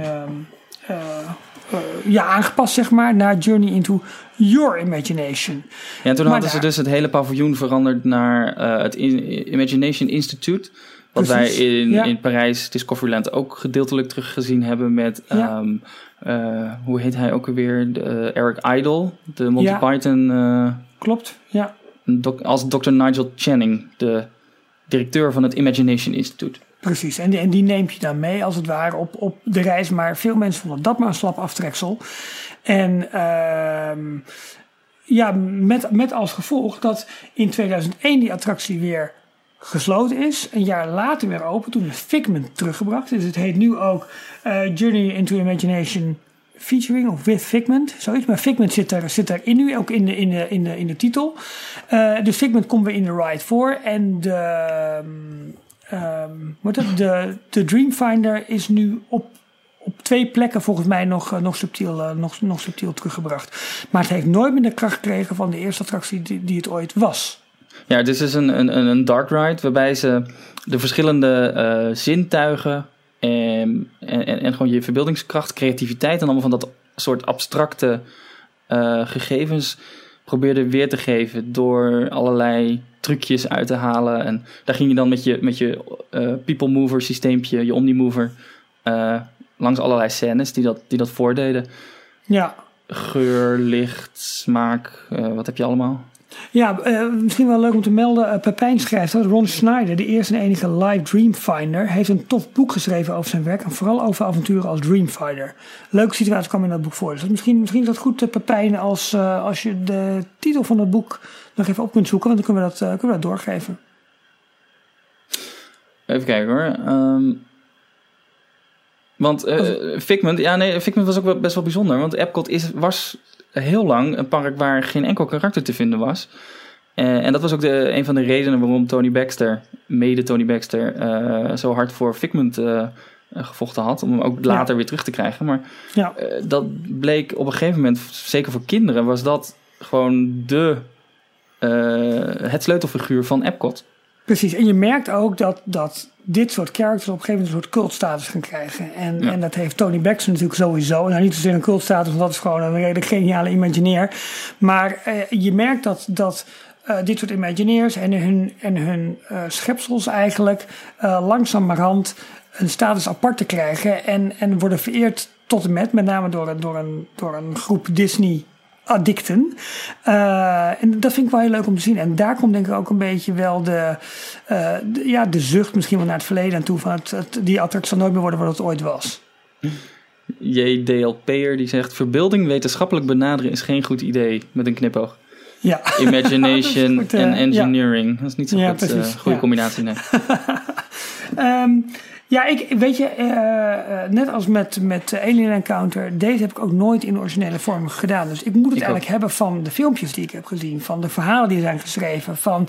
van Je hebt de huidige versie toch wel eens gedaan? Ja, die heb ik wel eens gedaan, ja. ja. Ja. Maar die is, ja, ik moet eerlijk zeggen, nu ik ook gelezen heb over deze attractie, moet ik hem eigenlijk nu nog een keertje doen om te kijken van, ja, wat, wat is het nu dan? Want ik heb hem toen eigenlijk in de rij van attracties gedaan. Zelfs vorig jaar, vorig jaar nog volgens mij, maar ik, ik, ik weet het gewoon niet meer. Ik, ik kan me er ook niet heel veel meer van herinneren. Ik kan alleen nog maar herinneren dat ik zoiets had van... Oh, oké, wat leuk. Maar eh, eh, het, het spatte er niet heel erg vanaf. Dat dit een Ja. hele bijzondere ride zou moeten zijn. Dus Nee, ik ben echt wel, ook wel jammer dat ik nooit het, eh, het origineel heb kunnen zien. precies. Nou, eh, Pepijn komt nog even terug met eh, de titel van het boek. Dat heet From, From Dreamer to Dreamfinder. Het is een boek voornamelijk leuk als je geïnteresseerd bent in theater en park entertainment. Dankjewel Pepijn. Goeie, goede aanvulling op dit. eh op nummer 4 van onze, van onze top 5. Heb Voor jij nog meer Oh, Nou ja, wat, wat nu eh, ook in, volgens mij in de tweede verdieping van het paviljoen is, is een soort Disney Vacation Club eh, lounge is daar nu gemaakt.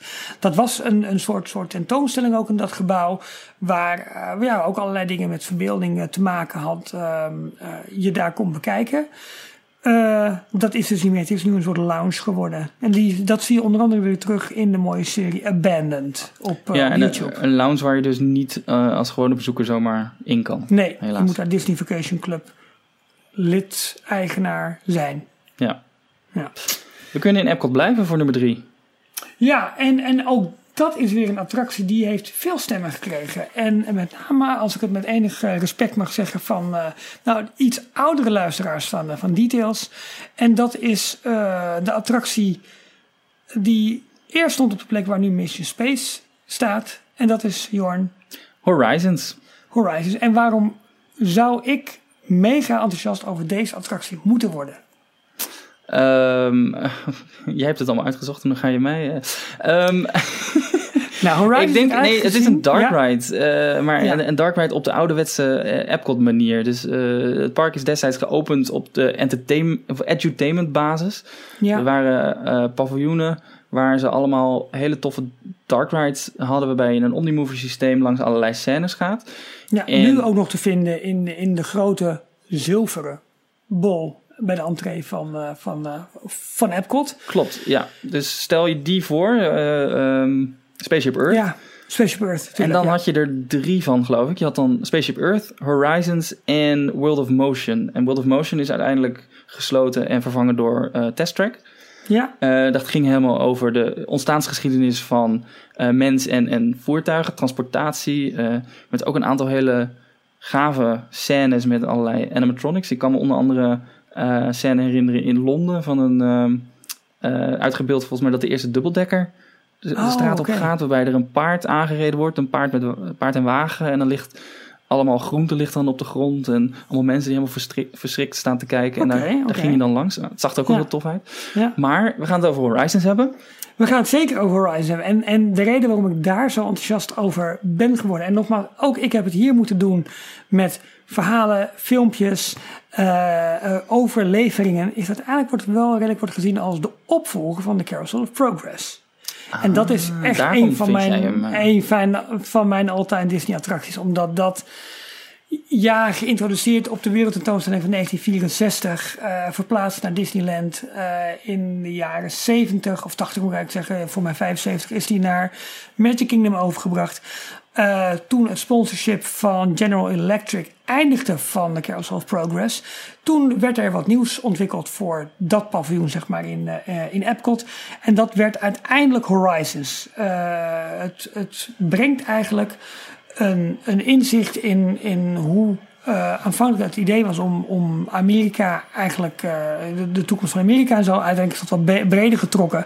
De toekomst, hoe gaan we de 21ste eeuw in op het gebied van landbouw, ruimtevaart, communicatie, al, al dat soort thema's eigenlijk. Zeg maar, alle thema's die in Future World werden, worden behandeld, eh, die krijg je ook nog eens terug in die attractie. En dan in een hele grote, langdurende ride. Ik dacht wel iets van 16 minuten ongeveer.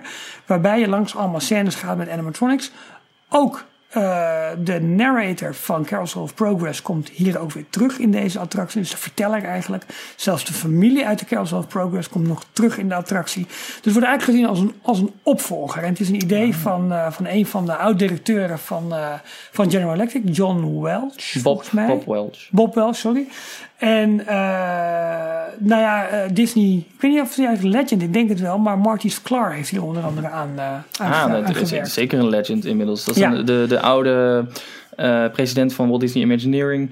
En die is onder andere onlangs bij de D23 Expo... heeft hij nog een, samen met Tony Baxter een Legends of Imagineering panel eh, bijgewoond. En dat, Ja, eh, ja, ik wist eigenlijk niet of hij, ja, dat is ook wel logisch. Ik wist niet of hij ook echt de legend status had gekregen al. Maar dat zal wel. ik denk het wel. Dat Maar ik weet het niet 100% Ja. zeker. Maar... Nee, daarom. Dus dat was even mijn, mijn, mijn twijfel.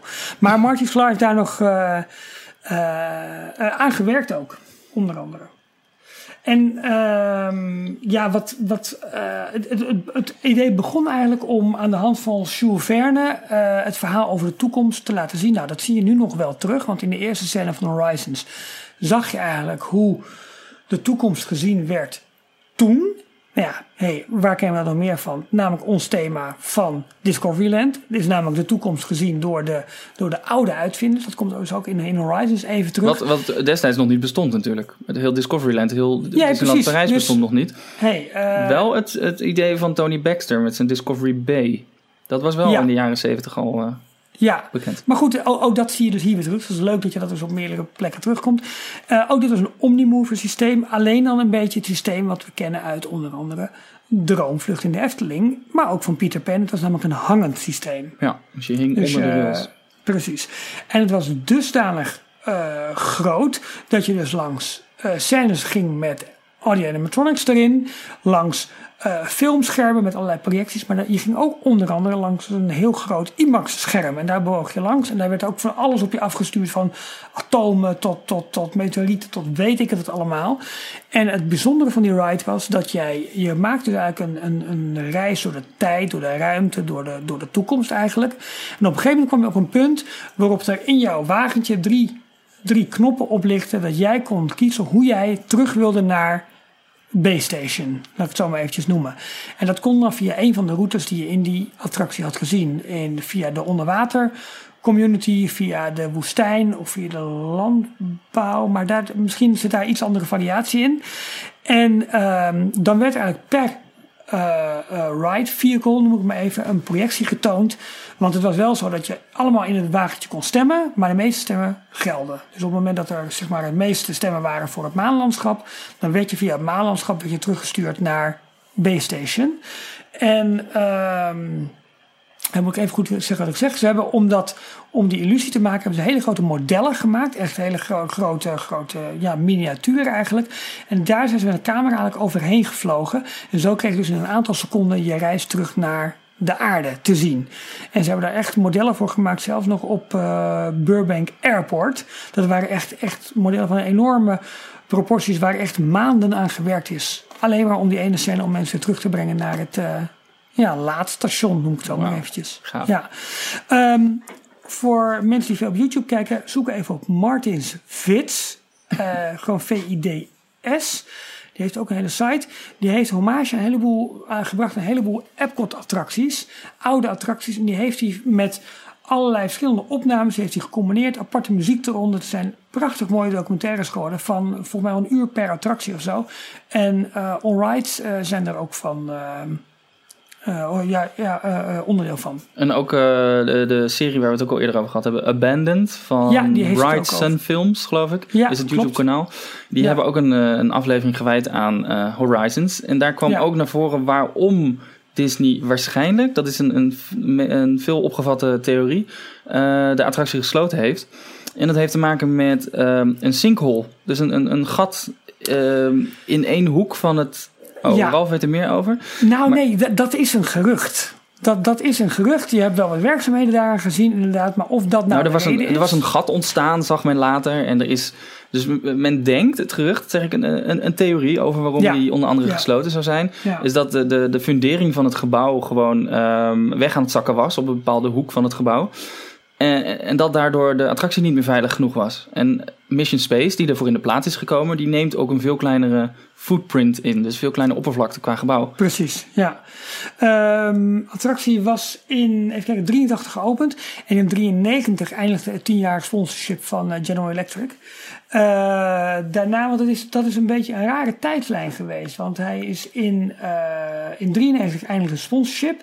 In december 94 is de attractie gesloten. Toen is die in 95 weer even geopend omdat Alice Energy Adventure, hey, die wordt binnenkort ook vervangen.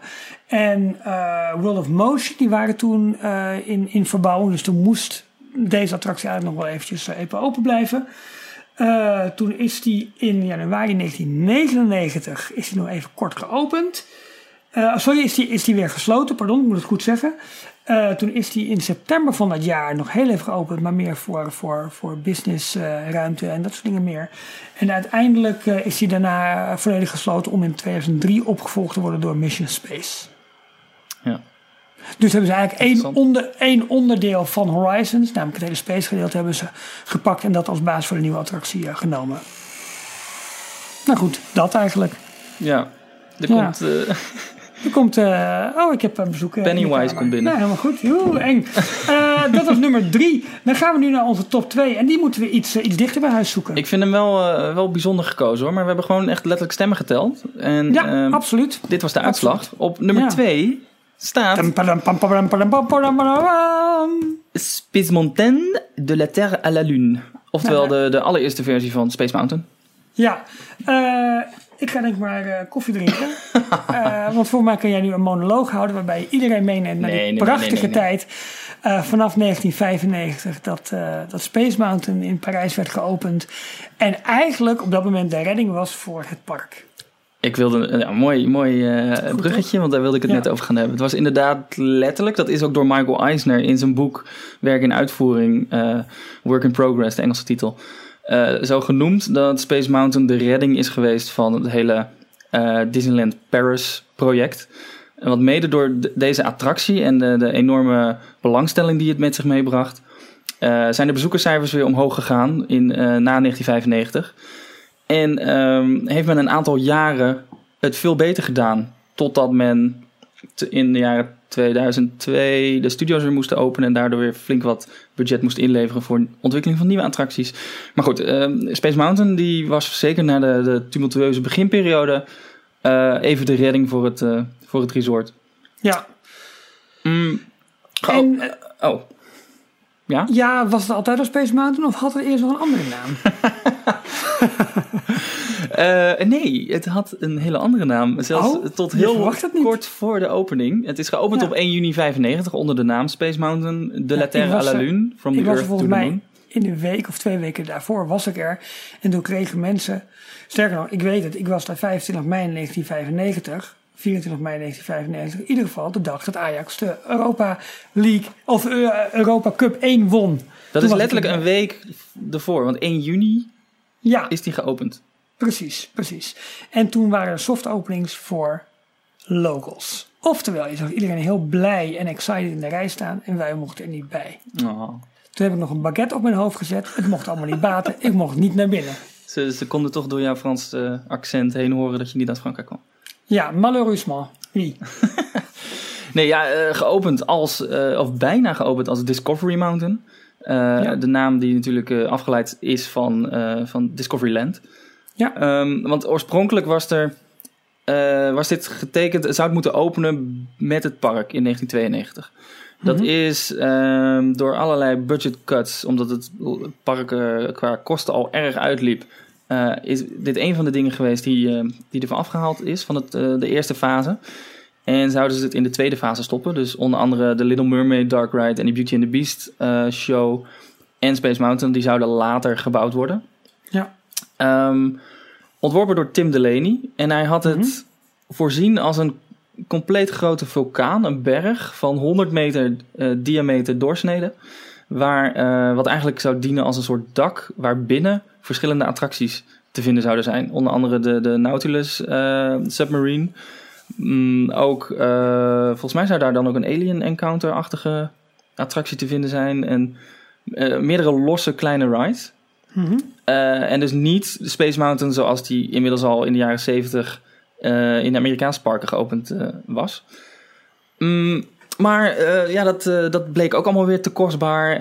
Een, een, een aandenken daaraan trouwens is, zijn nog steeds de twee grote ramen in eh, Discoveryland Theater. Hoe heet dat? Café Hyperion. Ja, klopt. Waar, En daarmee tease je gelijk eventjes naar onze fantastische walkthroughs die we hebben opgenomen in, in Disneyland Parijs. Waarin we allemaal uitleggen wat dat precies betekend heeft allemaal. Oké, nou dan hoef ik het nu niet te doen, hè? Dan eh, horen mensen nou, een klein beetje mag wel. Nee, mag wel. Nee, maar als je ehm, eh, tussen Space Mountain en ehm, Café Hyperion staat en je kijkt omhoog naar links naar Café Hyperion, dan zie je twee cirkelvormige eh, ramen, hele grote ramen. En dit zou de oorspronkelijk de, zou dit de ingang worden voor Space Mountain. Want je Mhm. zou via de e- eerste verdieping door een eh, buis eh, de, de, de, de, eh, de berg inlopen. Ja, Maar dat is ook weer uitgehaald vanwege allerlei budget cuts. Dus, ehm, maar goed, de versie die we gekregen hebben is echt super geworden. zeker de, de originele. Ehm, ontworpen door Tim Delaney. Ze zijn heel erg gaan zitten op het Jules Verne verhaal van de aarde naar de maan. Ja. Ehm, waarbij in het verhaal je uit een, een aantal mensen uit een kanon, het Columbiad Cannon, geschoten worden om eh, richting de maan te gaan. precies. Ehm, Het oude verhaal wel dat je dus vanuit een, of vanuit een kanon wordt afgeschoten om naar de maan te reizen. dat zei ik toch? Ja, ja, ja. Nee, maar ik herhaal het nog eventjes omdat daar het kanon voor staat. En, en nou goed, het was een beetje dubbel. Maar het was... eh, ik ga door, eh, jongens. Sorry. Maakt niet uit. Maar eh, daardoor hebben we een hele steampunk-achtige Space Mountain gekregen. Met allerlei groentinten en gouden elementen. En ik vind ook de, de, de Baltimore Gun Club, wat er nog steeds te vinden is trouwens. Ja. Dat was uit het boek van Jules Verne. Was dat de, de, de organisatie die het kanon zou bouwen en die mensen af zou schieten. Ehm, Ja. die, die vind je op verschillende plekken in de, in de attractie terug. Ehm, het is, Het eh, heeft ook, eh, vind ik, de mooiste Hidden Mickey van het park. Ja, en dat, is, dat, dat hebben we ook in de, in de audiotour die er binnenkort aankomen.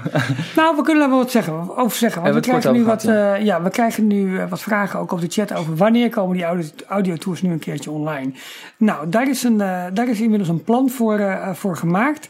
En we kunnen iedereen geruststellen dat nog voor de vakantie, oftewel volgende week, wij de eerste aflevering van die walkthroughs online gaan brengen.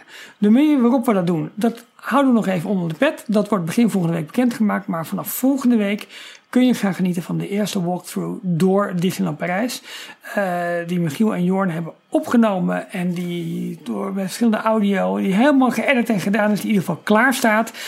Uh, ik heb hem uh, geluisterd. Ik was er zelf niet bij, dus ik heb hem, ik heb hem beleefd als, als luisteraar. En die was, nou Jorn, dat hebben jullie goed gedaan. Nou, dankjewel. Ja, Reacties is, in de chat zijn nu ook wel heel erg leuk. Precies. Nee, niemand weet nog de, de, uh, de prijs die we daarvoor gaan vragen. Want het wordt namelijk een, uh, een podcast waar 50 euro per persoon voor moet worden. Nee hoor, flauwekul. Nee, de, de, de, het eerste deel, en dat zal uh, Main Street worden, komt, komt volgende week online. Misschien op een wat andere manier dan die, dan die je van ons gewend bent. Maar hij komt in ieder geval, geval volgende week online. Jorn is er inmiddels ook weer zijn audioview even uit, maar hij is aangesteld. Ik vertel net, Jorn, dat hij 50 euro per stuk, dat oh, kost 50 de, euro, de, ja. ja. ik denk van, maar mooi. Nee, nee, nee, dat is flauwkul. Uh, volgende week online en uh, we houden je via onze kanalen op de hoogte hoe je die kunt bemachtigen. Maar in ieder geval, vaste luisteraars proberen we daarbij een streepje voor te laten hebben. Maar je refereerde aan de, aan, aan de, de Hidden Mickey in Space Mountain. Ja, die komt in de, in de uitzending van Fantasyland terug. Want als je namelijk de hoogte van uh, It's a Small World en Mad Hatter's uh, Teacups staat. En ja. je kijkt richting Discoveryland, dan zie je daar mm -hmm. um, het dak van Space Mountain. En daarbovenop hebben ze een aantal tandwielen. En precies vanaf die hoek vormen drie tandwielen. Of nee, twee tandwielen en een uiteinde van een kanon. Die vormen een perfecte Hidden Mickey. Oh, mee gaat nu helemaal. Uh, klopt. Los op de 50 ja. euro. 50 euro Ja, maar dat was een grapje. Nee, dat was een grapje. Dat was een grapje. Dat was een grapje. Want uh, dat even in het kader van de Max, Max Pass. Uh, nee, we hebben het natuurlijk vaker over gehad dat we aan het kijken zijn naar hoe wij exclusieve audio ook voor, voor onze fans kunnen gaan maken. En, en hoe we dat dan uh, naar iedereen toe, gaat, toe gaan brengen. We zijn daar volop mee bezig. Dat is wat in het vat zit, verzuurt niet. Maar ja, ik heb er zin in dat we die volgende week gewoon de eerste walkthrough uh, live gaan zetten. Want daar hebben we best, uh, best hard aan gewerkt. En uh, ik ben gewoon heel trots op het resultaat daarvan. Ja, ik ook. Zeker. Ja, daarom. En dan, dan komen er in totaal dus vijf. Want we doen een, een walkthrough door Main Street, door Fantasyland, door Adventureland, door Frontierland en door Discoveryland. Superleuk. Maar we dwalen af. We waren bij Space Ja. Mountain. Sorry. De nummer 2 in onze top 5. Ja. Um, Ja. Het, eh, ja, een aantal leuke feitjes over Space Mountain. Want eh, zeker vanuit Amerika werd er ook weer jaloersmakend naar Parijs gekeken. Ehm, daar hebben ze namelijk allemaal Space Mountains die niet over de kop gaan. En onze versie, dat was de eerste... Net niet de eerste trouwens. eh, Indiana Jones was de eerste attractie. Disney-attractie met een looping. En dit was de allereerste Space Mountain met inversies. En er zitten er drie stuks in. En ik heb even helemaal uitgezocht hoe die elementen nou precies heten, want daar ben ik ook altijd heel slecht in. Er zit geen looping in, maar er zit een sidewinder in. Een sidewinder is element, dan start je een halve looping en halverwege Ja. ga je over in een soort kurkentrekker, waardoor je Ja. haaks op je looping weer naar buiten gaat. Dus je gaat, Eh, ja, precies. Ja, je maakt Ja, bovenin, maak je een draai om, eh, om een bocht door te gaan.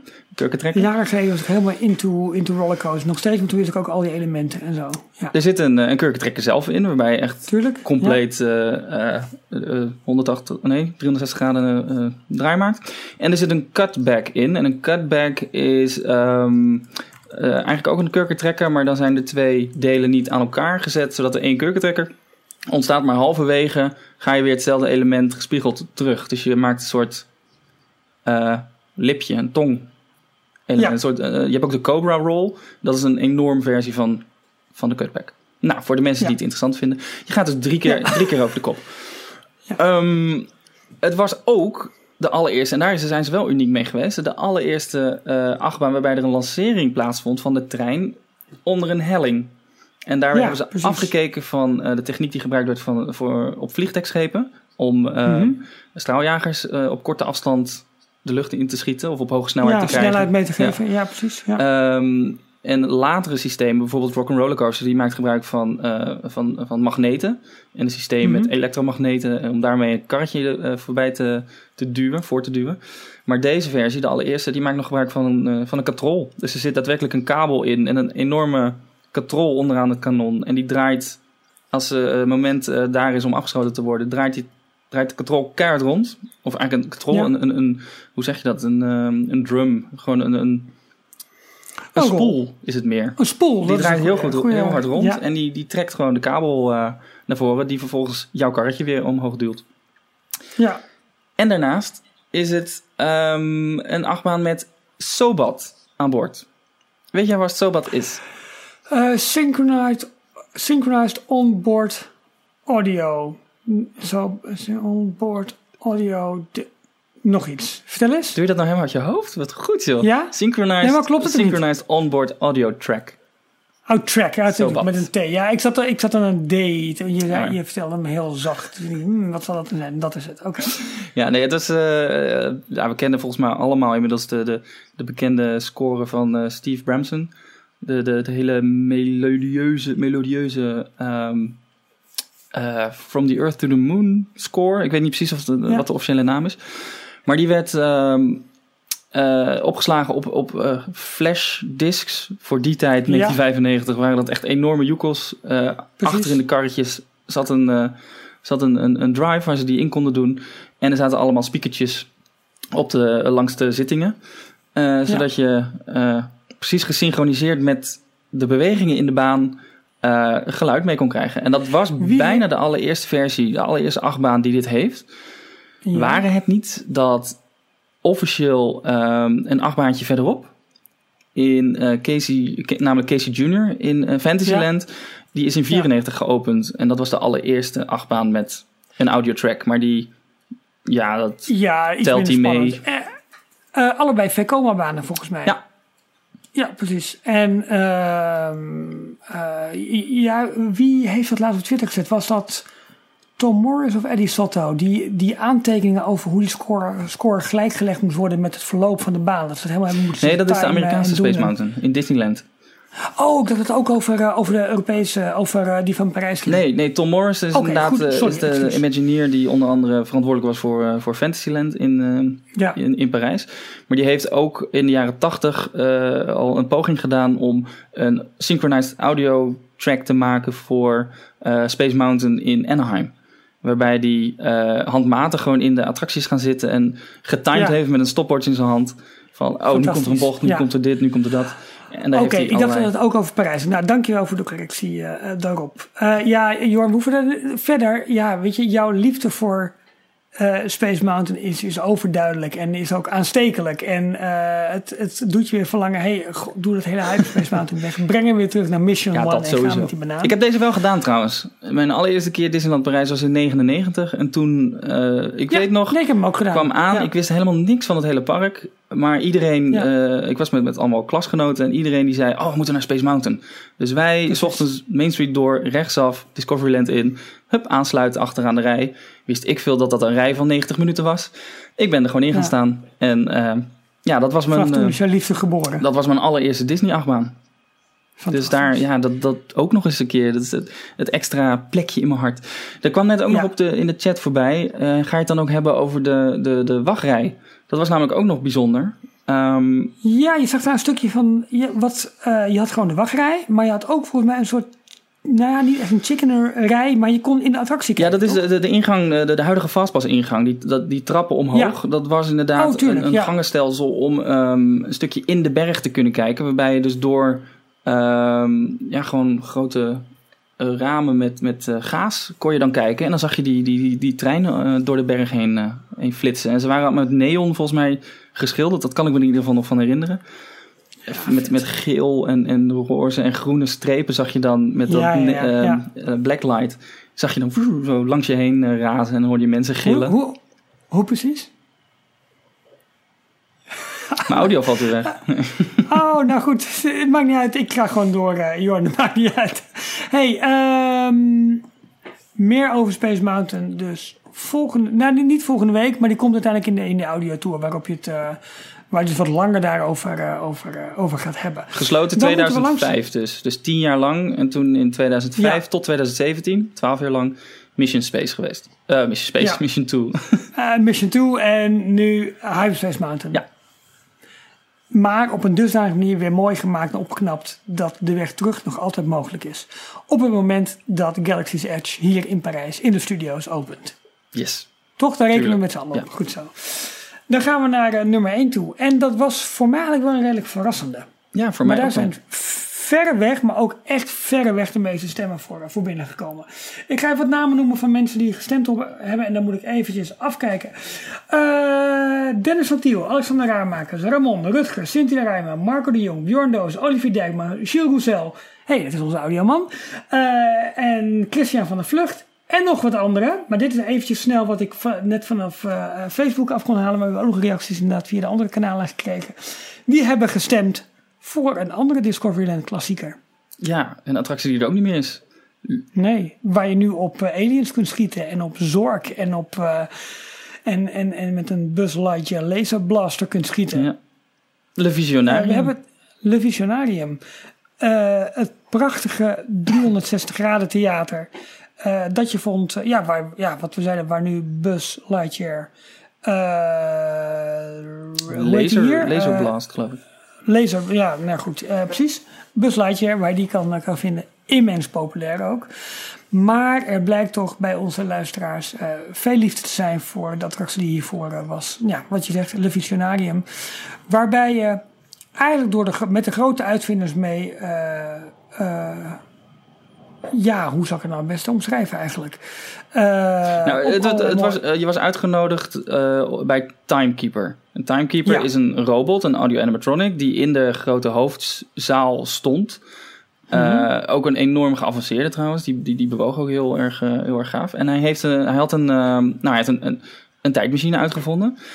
Mhm. En een hulpje van hem, Nine Eye, was een robot met negen ogen, negen camera's die, die om haar heen, eh, 360 graden om haar heen kon kijken. En eh, Timekeeper die ging haar eh, terug in de tijd sturen. En doordat wij negen schermen om ons heen hadden, konden we precies zien wat zij op dat moment eh, zag terug in de tijd. En eh, dit was een van de allereerste Circle Vision 360 graden films, waarbij er dus een, eh, een verhaallijn verteld werd. Eh, hiervoor had je voornamelijk, eh, nou bijvoorbeeld degene in de China Pavilion en in, in Canada. Dat zijn ook eh, Circle Vision films in, in, in Epcot. Eh, in China is aangekondigd tijdens de expo dat, eh, dat er een nieuwe variant komt, waarbij de, de gewerkt wordt met een nieuwe techniek eh, die helemaal seamless is, waarbij je niet de naden van de schermen meer ziet. ja, Ehm, maar eh, Timekeeper, eh, Visionarium, dat was de, de, de allereerste versie waarbij er eigenlijk een doorlopend verhaal in zat met Nine Eye en ook een reden waarom wij dus helemaal 360 graden om ons heen konden kijken. Ik, ik vond dat dus een hele mooie eh, toevoeging. Want ja, waarom zou je zo'n film in, in 360 graden zien? Dit was eigenlijk heel, heel logisch gemaakt daardoor. Ja, En, en je voelde je echt als een soort van reisgenoot waar, waarop je meeging. Terwijl je nu als je in Canada of inderdaad of in China die, die, die, die, die 360 graden films kijkt.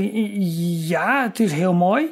Maar hier had het met Nine Eye een soort van functie gekregen. En dat vond ik heel knap en heel slim gedaan. Ze hadden, ja, heel slim ook, want inderdaad alle transities van de ene naar de andere scène hadden ze ook heel mooi eh erin verwerkt. Dat Nine Eye bijvoorbeeld eh, haar ogen dicht deed of er kwamen klepjes voor de camera. En dan zag je dus net op die schermen zag je even niks en dan, dan kon, er wat, Precies. kon er wat veranderen. Ja. Of ze werd weer Ja. door Timekeeper eh, naar een andere tijd, tijdsperiode gehaald. Ik heb hem volgens mij maar één keer gedaan. Ik heb hem volgens mij wel vaker gedaan, maar niet, niet superveel. Eigenlijk maar twee of drie keer. Het, is, het was Ja, ook best eh, een, een verstopte attractie. Ik zag net ook eh, Martin, die had het erover. Ik kwam er bij mijn derde bezoek pas achter dat Le Visionarium überhaupt bestond.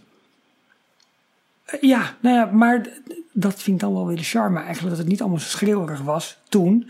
Je, je moest meer op zoek naar de attracties. Die waren verborgen. En dat, dat is voor mij ook een beetje wel de Disney techniek. Ja. Die ze nu, of magie, die ze nu ook bijvoorbeeld in eh, Pandora ook weer terug hebben gebracht. Tot niet geen grotere, hey, hier moet je voor de Knife River Journey zijn. Hier moet je voor Flight of Passage zijn. Nee, je, je vindt het wel.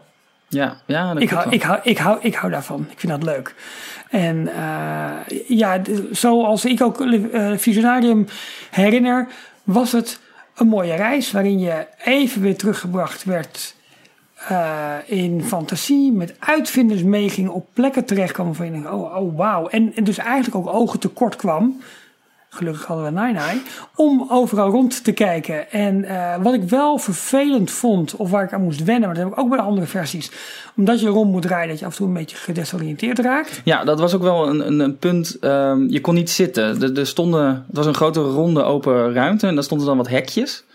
Maar ja. je kon alleen maar jezelf vasthouden aan de hekjes, want je moest continu om je heen kijken. Dus ook, je kon ook achter je meekijken. Ja, ja. Um, er staan trouwens, ik weet niet of ze nog steeds online staan, maar de Disneyland Parijs zelf had geloof ik uh, een paar jaar geleden de making-of video van, uh, van de opnames van deze film online gezet. Ik heb ooit wat gezien volgens mij. Ja. Want uh, ooit wat gezien. op een gegeven moment was Nine Eye gestuurd naar een wereldtentoonstelling waar, ja, waar ze, die van Parijs. Waar ze Jules Verne en H.G. Wells tegenkwam. Tuurlijk. En Jules ja. Verne die pakt haar beet net op het moment dat zij weer door Timekeeper naar een andere periode wordt gestuurd.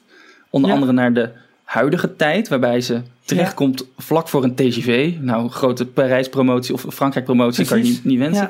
Ja. Ja. En dat hebben ze echt opgenomen met eh, aan de voorkant van een. eh, nou, volgens mij was het niet een echte TGV, maar ze hebben een, een, een voorkant van de TGV gebouwd waar Jules Verne op zat en daar dan vervolgens weer zo'n 360 graden camera opgezet. En dat heeft ook heel veel problemen gezorgd. Eh, er zat ook een, eh, scène in eh, waarbij, ze, waarbij je een concert van een hele jonge Beethoven meekrijgt. En ehm, ze konden de, de cameramensen en de crew die bij de opname Niet konden ze niet heel makkelijk verbergen, want je kan gewoon overal omheen kijken. Dus alle extra's die je ziet, of heel veel van de extra's, dat waren eigenlijk eh, crewmedewerkers die bijvoorbeeld voor het eh, geluid of licht dingen moesten doen. Precies. Maar die waren ook verkleed als bezoekers van dat concert. En die, eh, Ja. als de camera ging lopen, dan, dan waren ze even, even figurant. Maar hoe, hoe tof is het dat dat, dat dat thema van de wereldtentoonstelling ook daar weer terugkomt. De wereldtentoonstelling waar, waar nieuwe uitvindingen, nieuwe ontwikkelingen, alles wordt, wordt, ja, wordt, wordt tentoongesteld. Eh wereldtentoonstelling heeft een zeer belangrijke rol gespeeld in het ontstaan van een aantal attracties in Disneyland. We hadden het net al eventjes over. 64 was echt een belangrijk jaar eh, daarvoor. Dat werd hier dus ook weer teruggebracht. Alleen dan de wereldtentoonstelling van Parijs, waar onder andere dus de Eiffeltoren werd eh, voor werd gebouwd.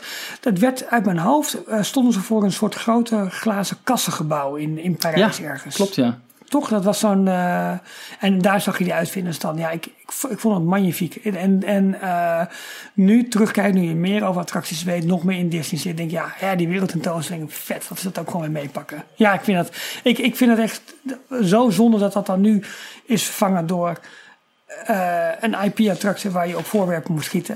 Het is ook weer zo logisch. Je begrijpt het. Er moet geld verdiend worden. Er moeten haakjes verzonnen worden. Ik begrijp het allemaal. Ja, nou, de attractie is dus En in september jammer. 2004 gesloten. En, niet eh, snel daarna eh, ging ook eh, Space Mountain dicht in 2005. ja. En dat was wel echt die periode, 2004, 2005, ehm, was de periode dat de ziel uit Discoveryland werd gehaald.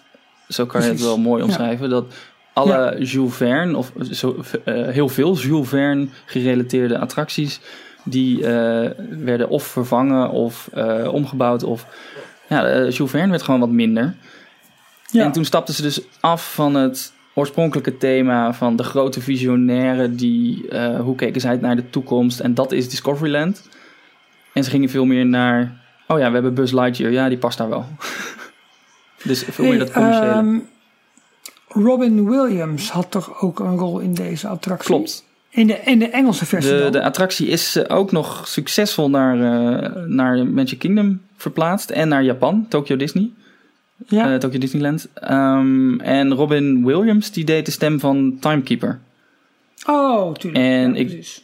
Dacht, maar dat weet ik dus niet 100% zeker. Want ik kan me nog wel herinneren dat de, de, de hoofdshow was in het Frans.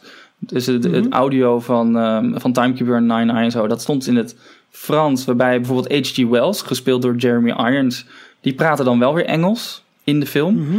Maar je kon ook een deel van de, van de eh, die, die, eh, die rijen waar je kon staan, waar je aan kon vasthouden, Ja. daar zaten ook koptelefoons in. En dan kon je al voor een andere taal kiezen. Ik weet wel dat er Engels tussen zat. Ik weet niet of er toen ook al Nederlands tussen zat. Later bij eh Honey, I Shrunk the Audience hebben ze bijvoorbeeld wel eh, een Nederlandse audiotrack ook gemaakt. Alleen net als bij Honey, I Shrunk the Audience was het grote probleem. Je moest dan een heel gaar koptelefoontje opzetten waarbij het, het geluid uit de koptelefoon altijd zoveel zachter stond ten opzichte van het geluid in de zaal. Dat je eigenlijk nog steeds dat Franse er doorheen, Ja, keihard doorheen hoorde. Dus het, dat werkte nooit.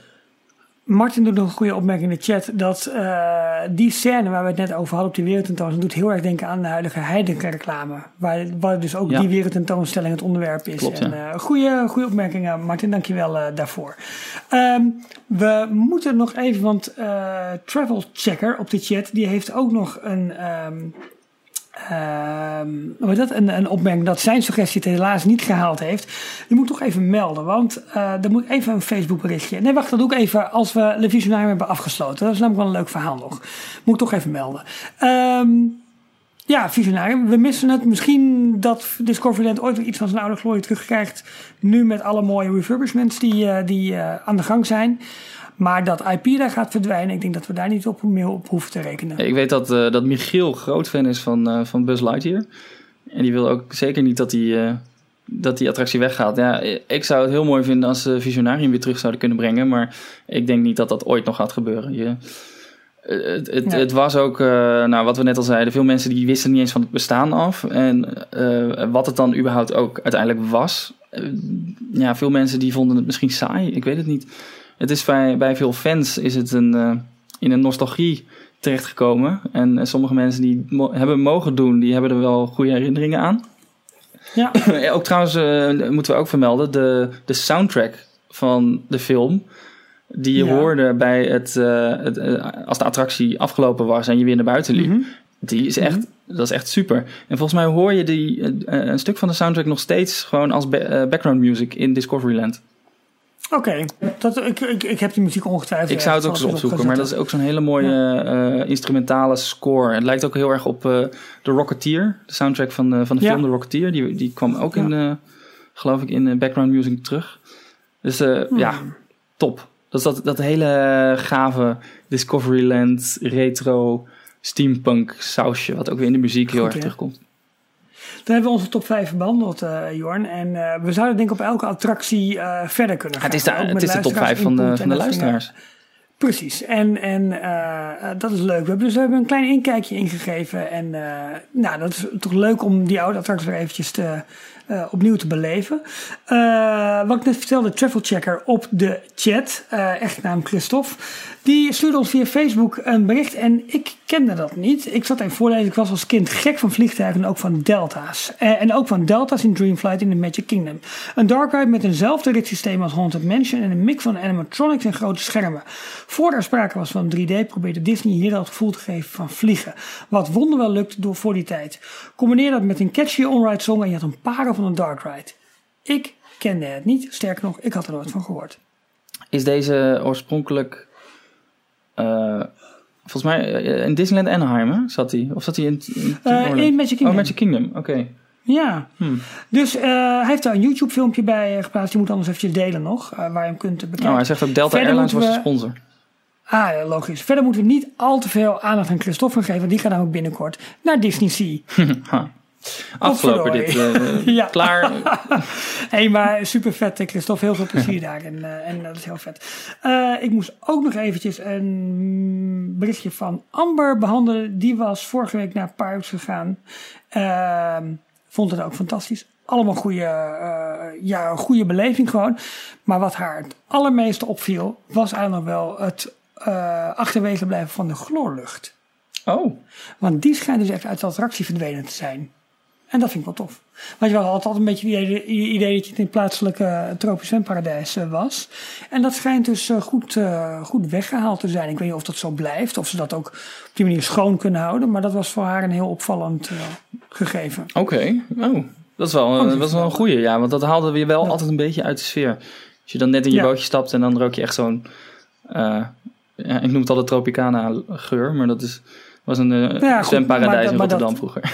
Maar, ja, precies. Waar, waar nu championnen worden gekweekt. Ja, maar dat is um, ja, Jorn. Uh, volgende week uh, dus naar alle waarschijnlijkheid geen reguliere details. Maar de eerste versie van onze walkthrough door uh, Disneyland Parijs.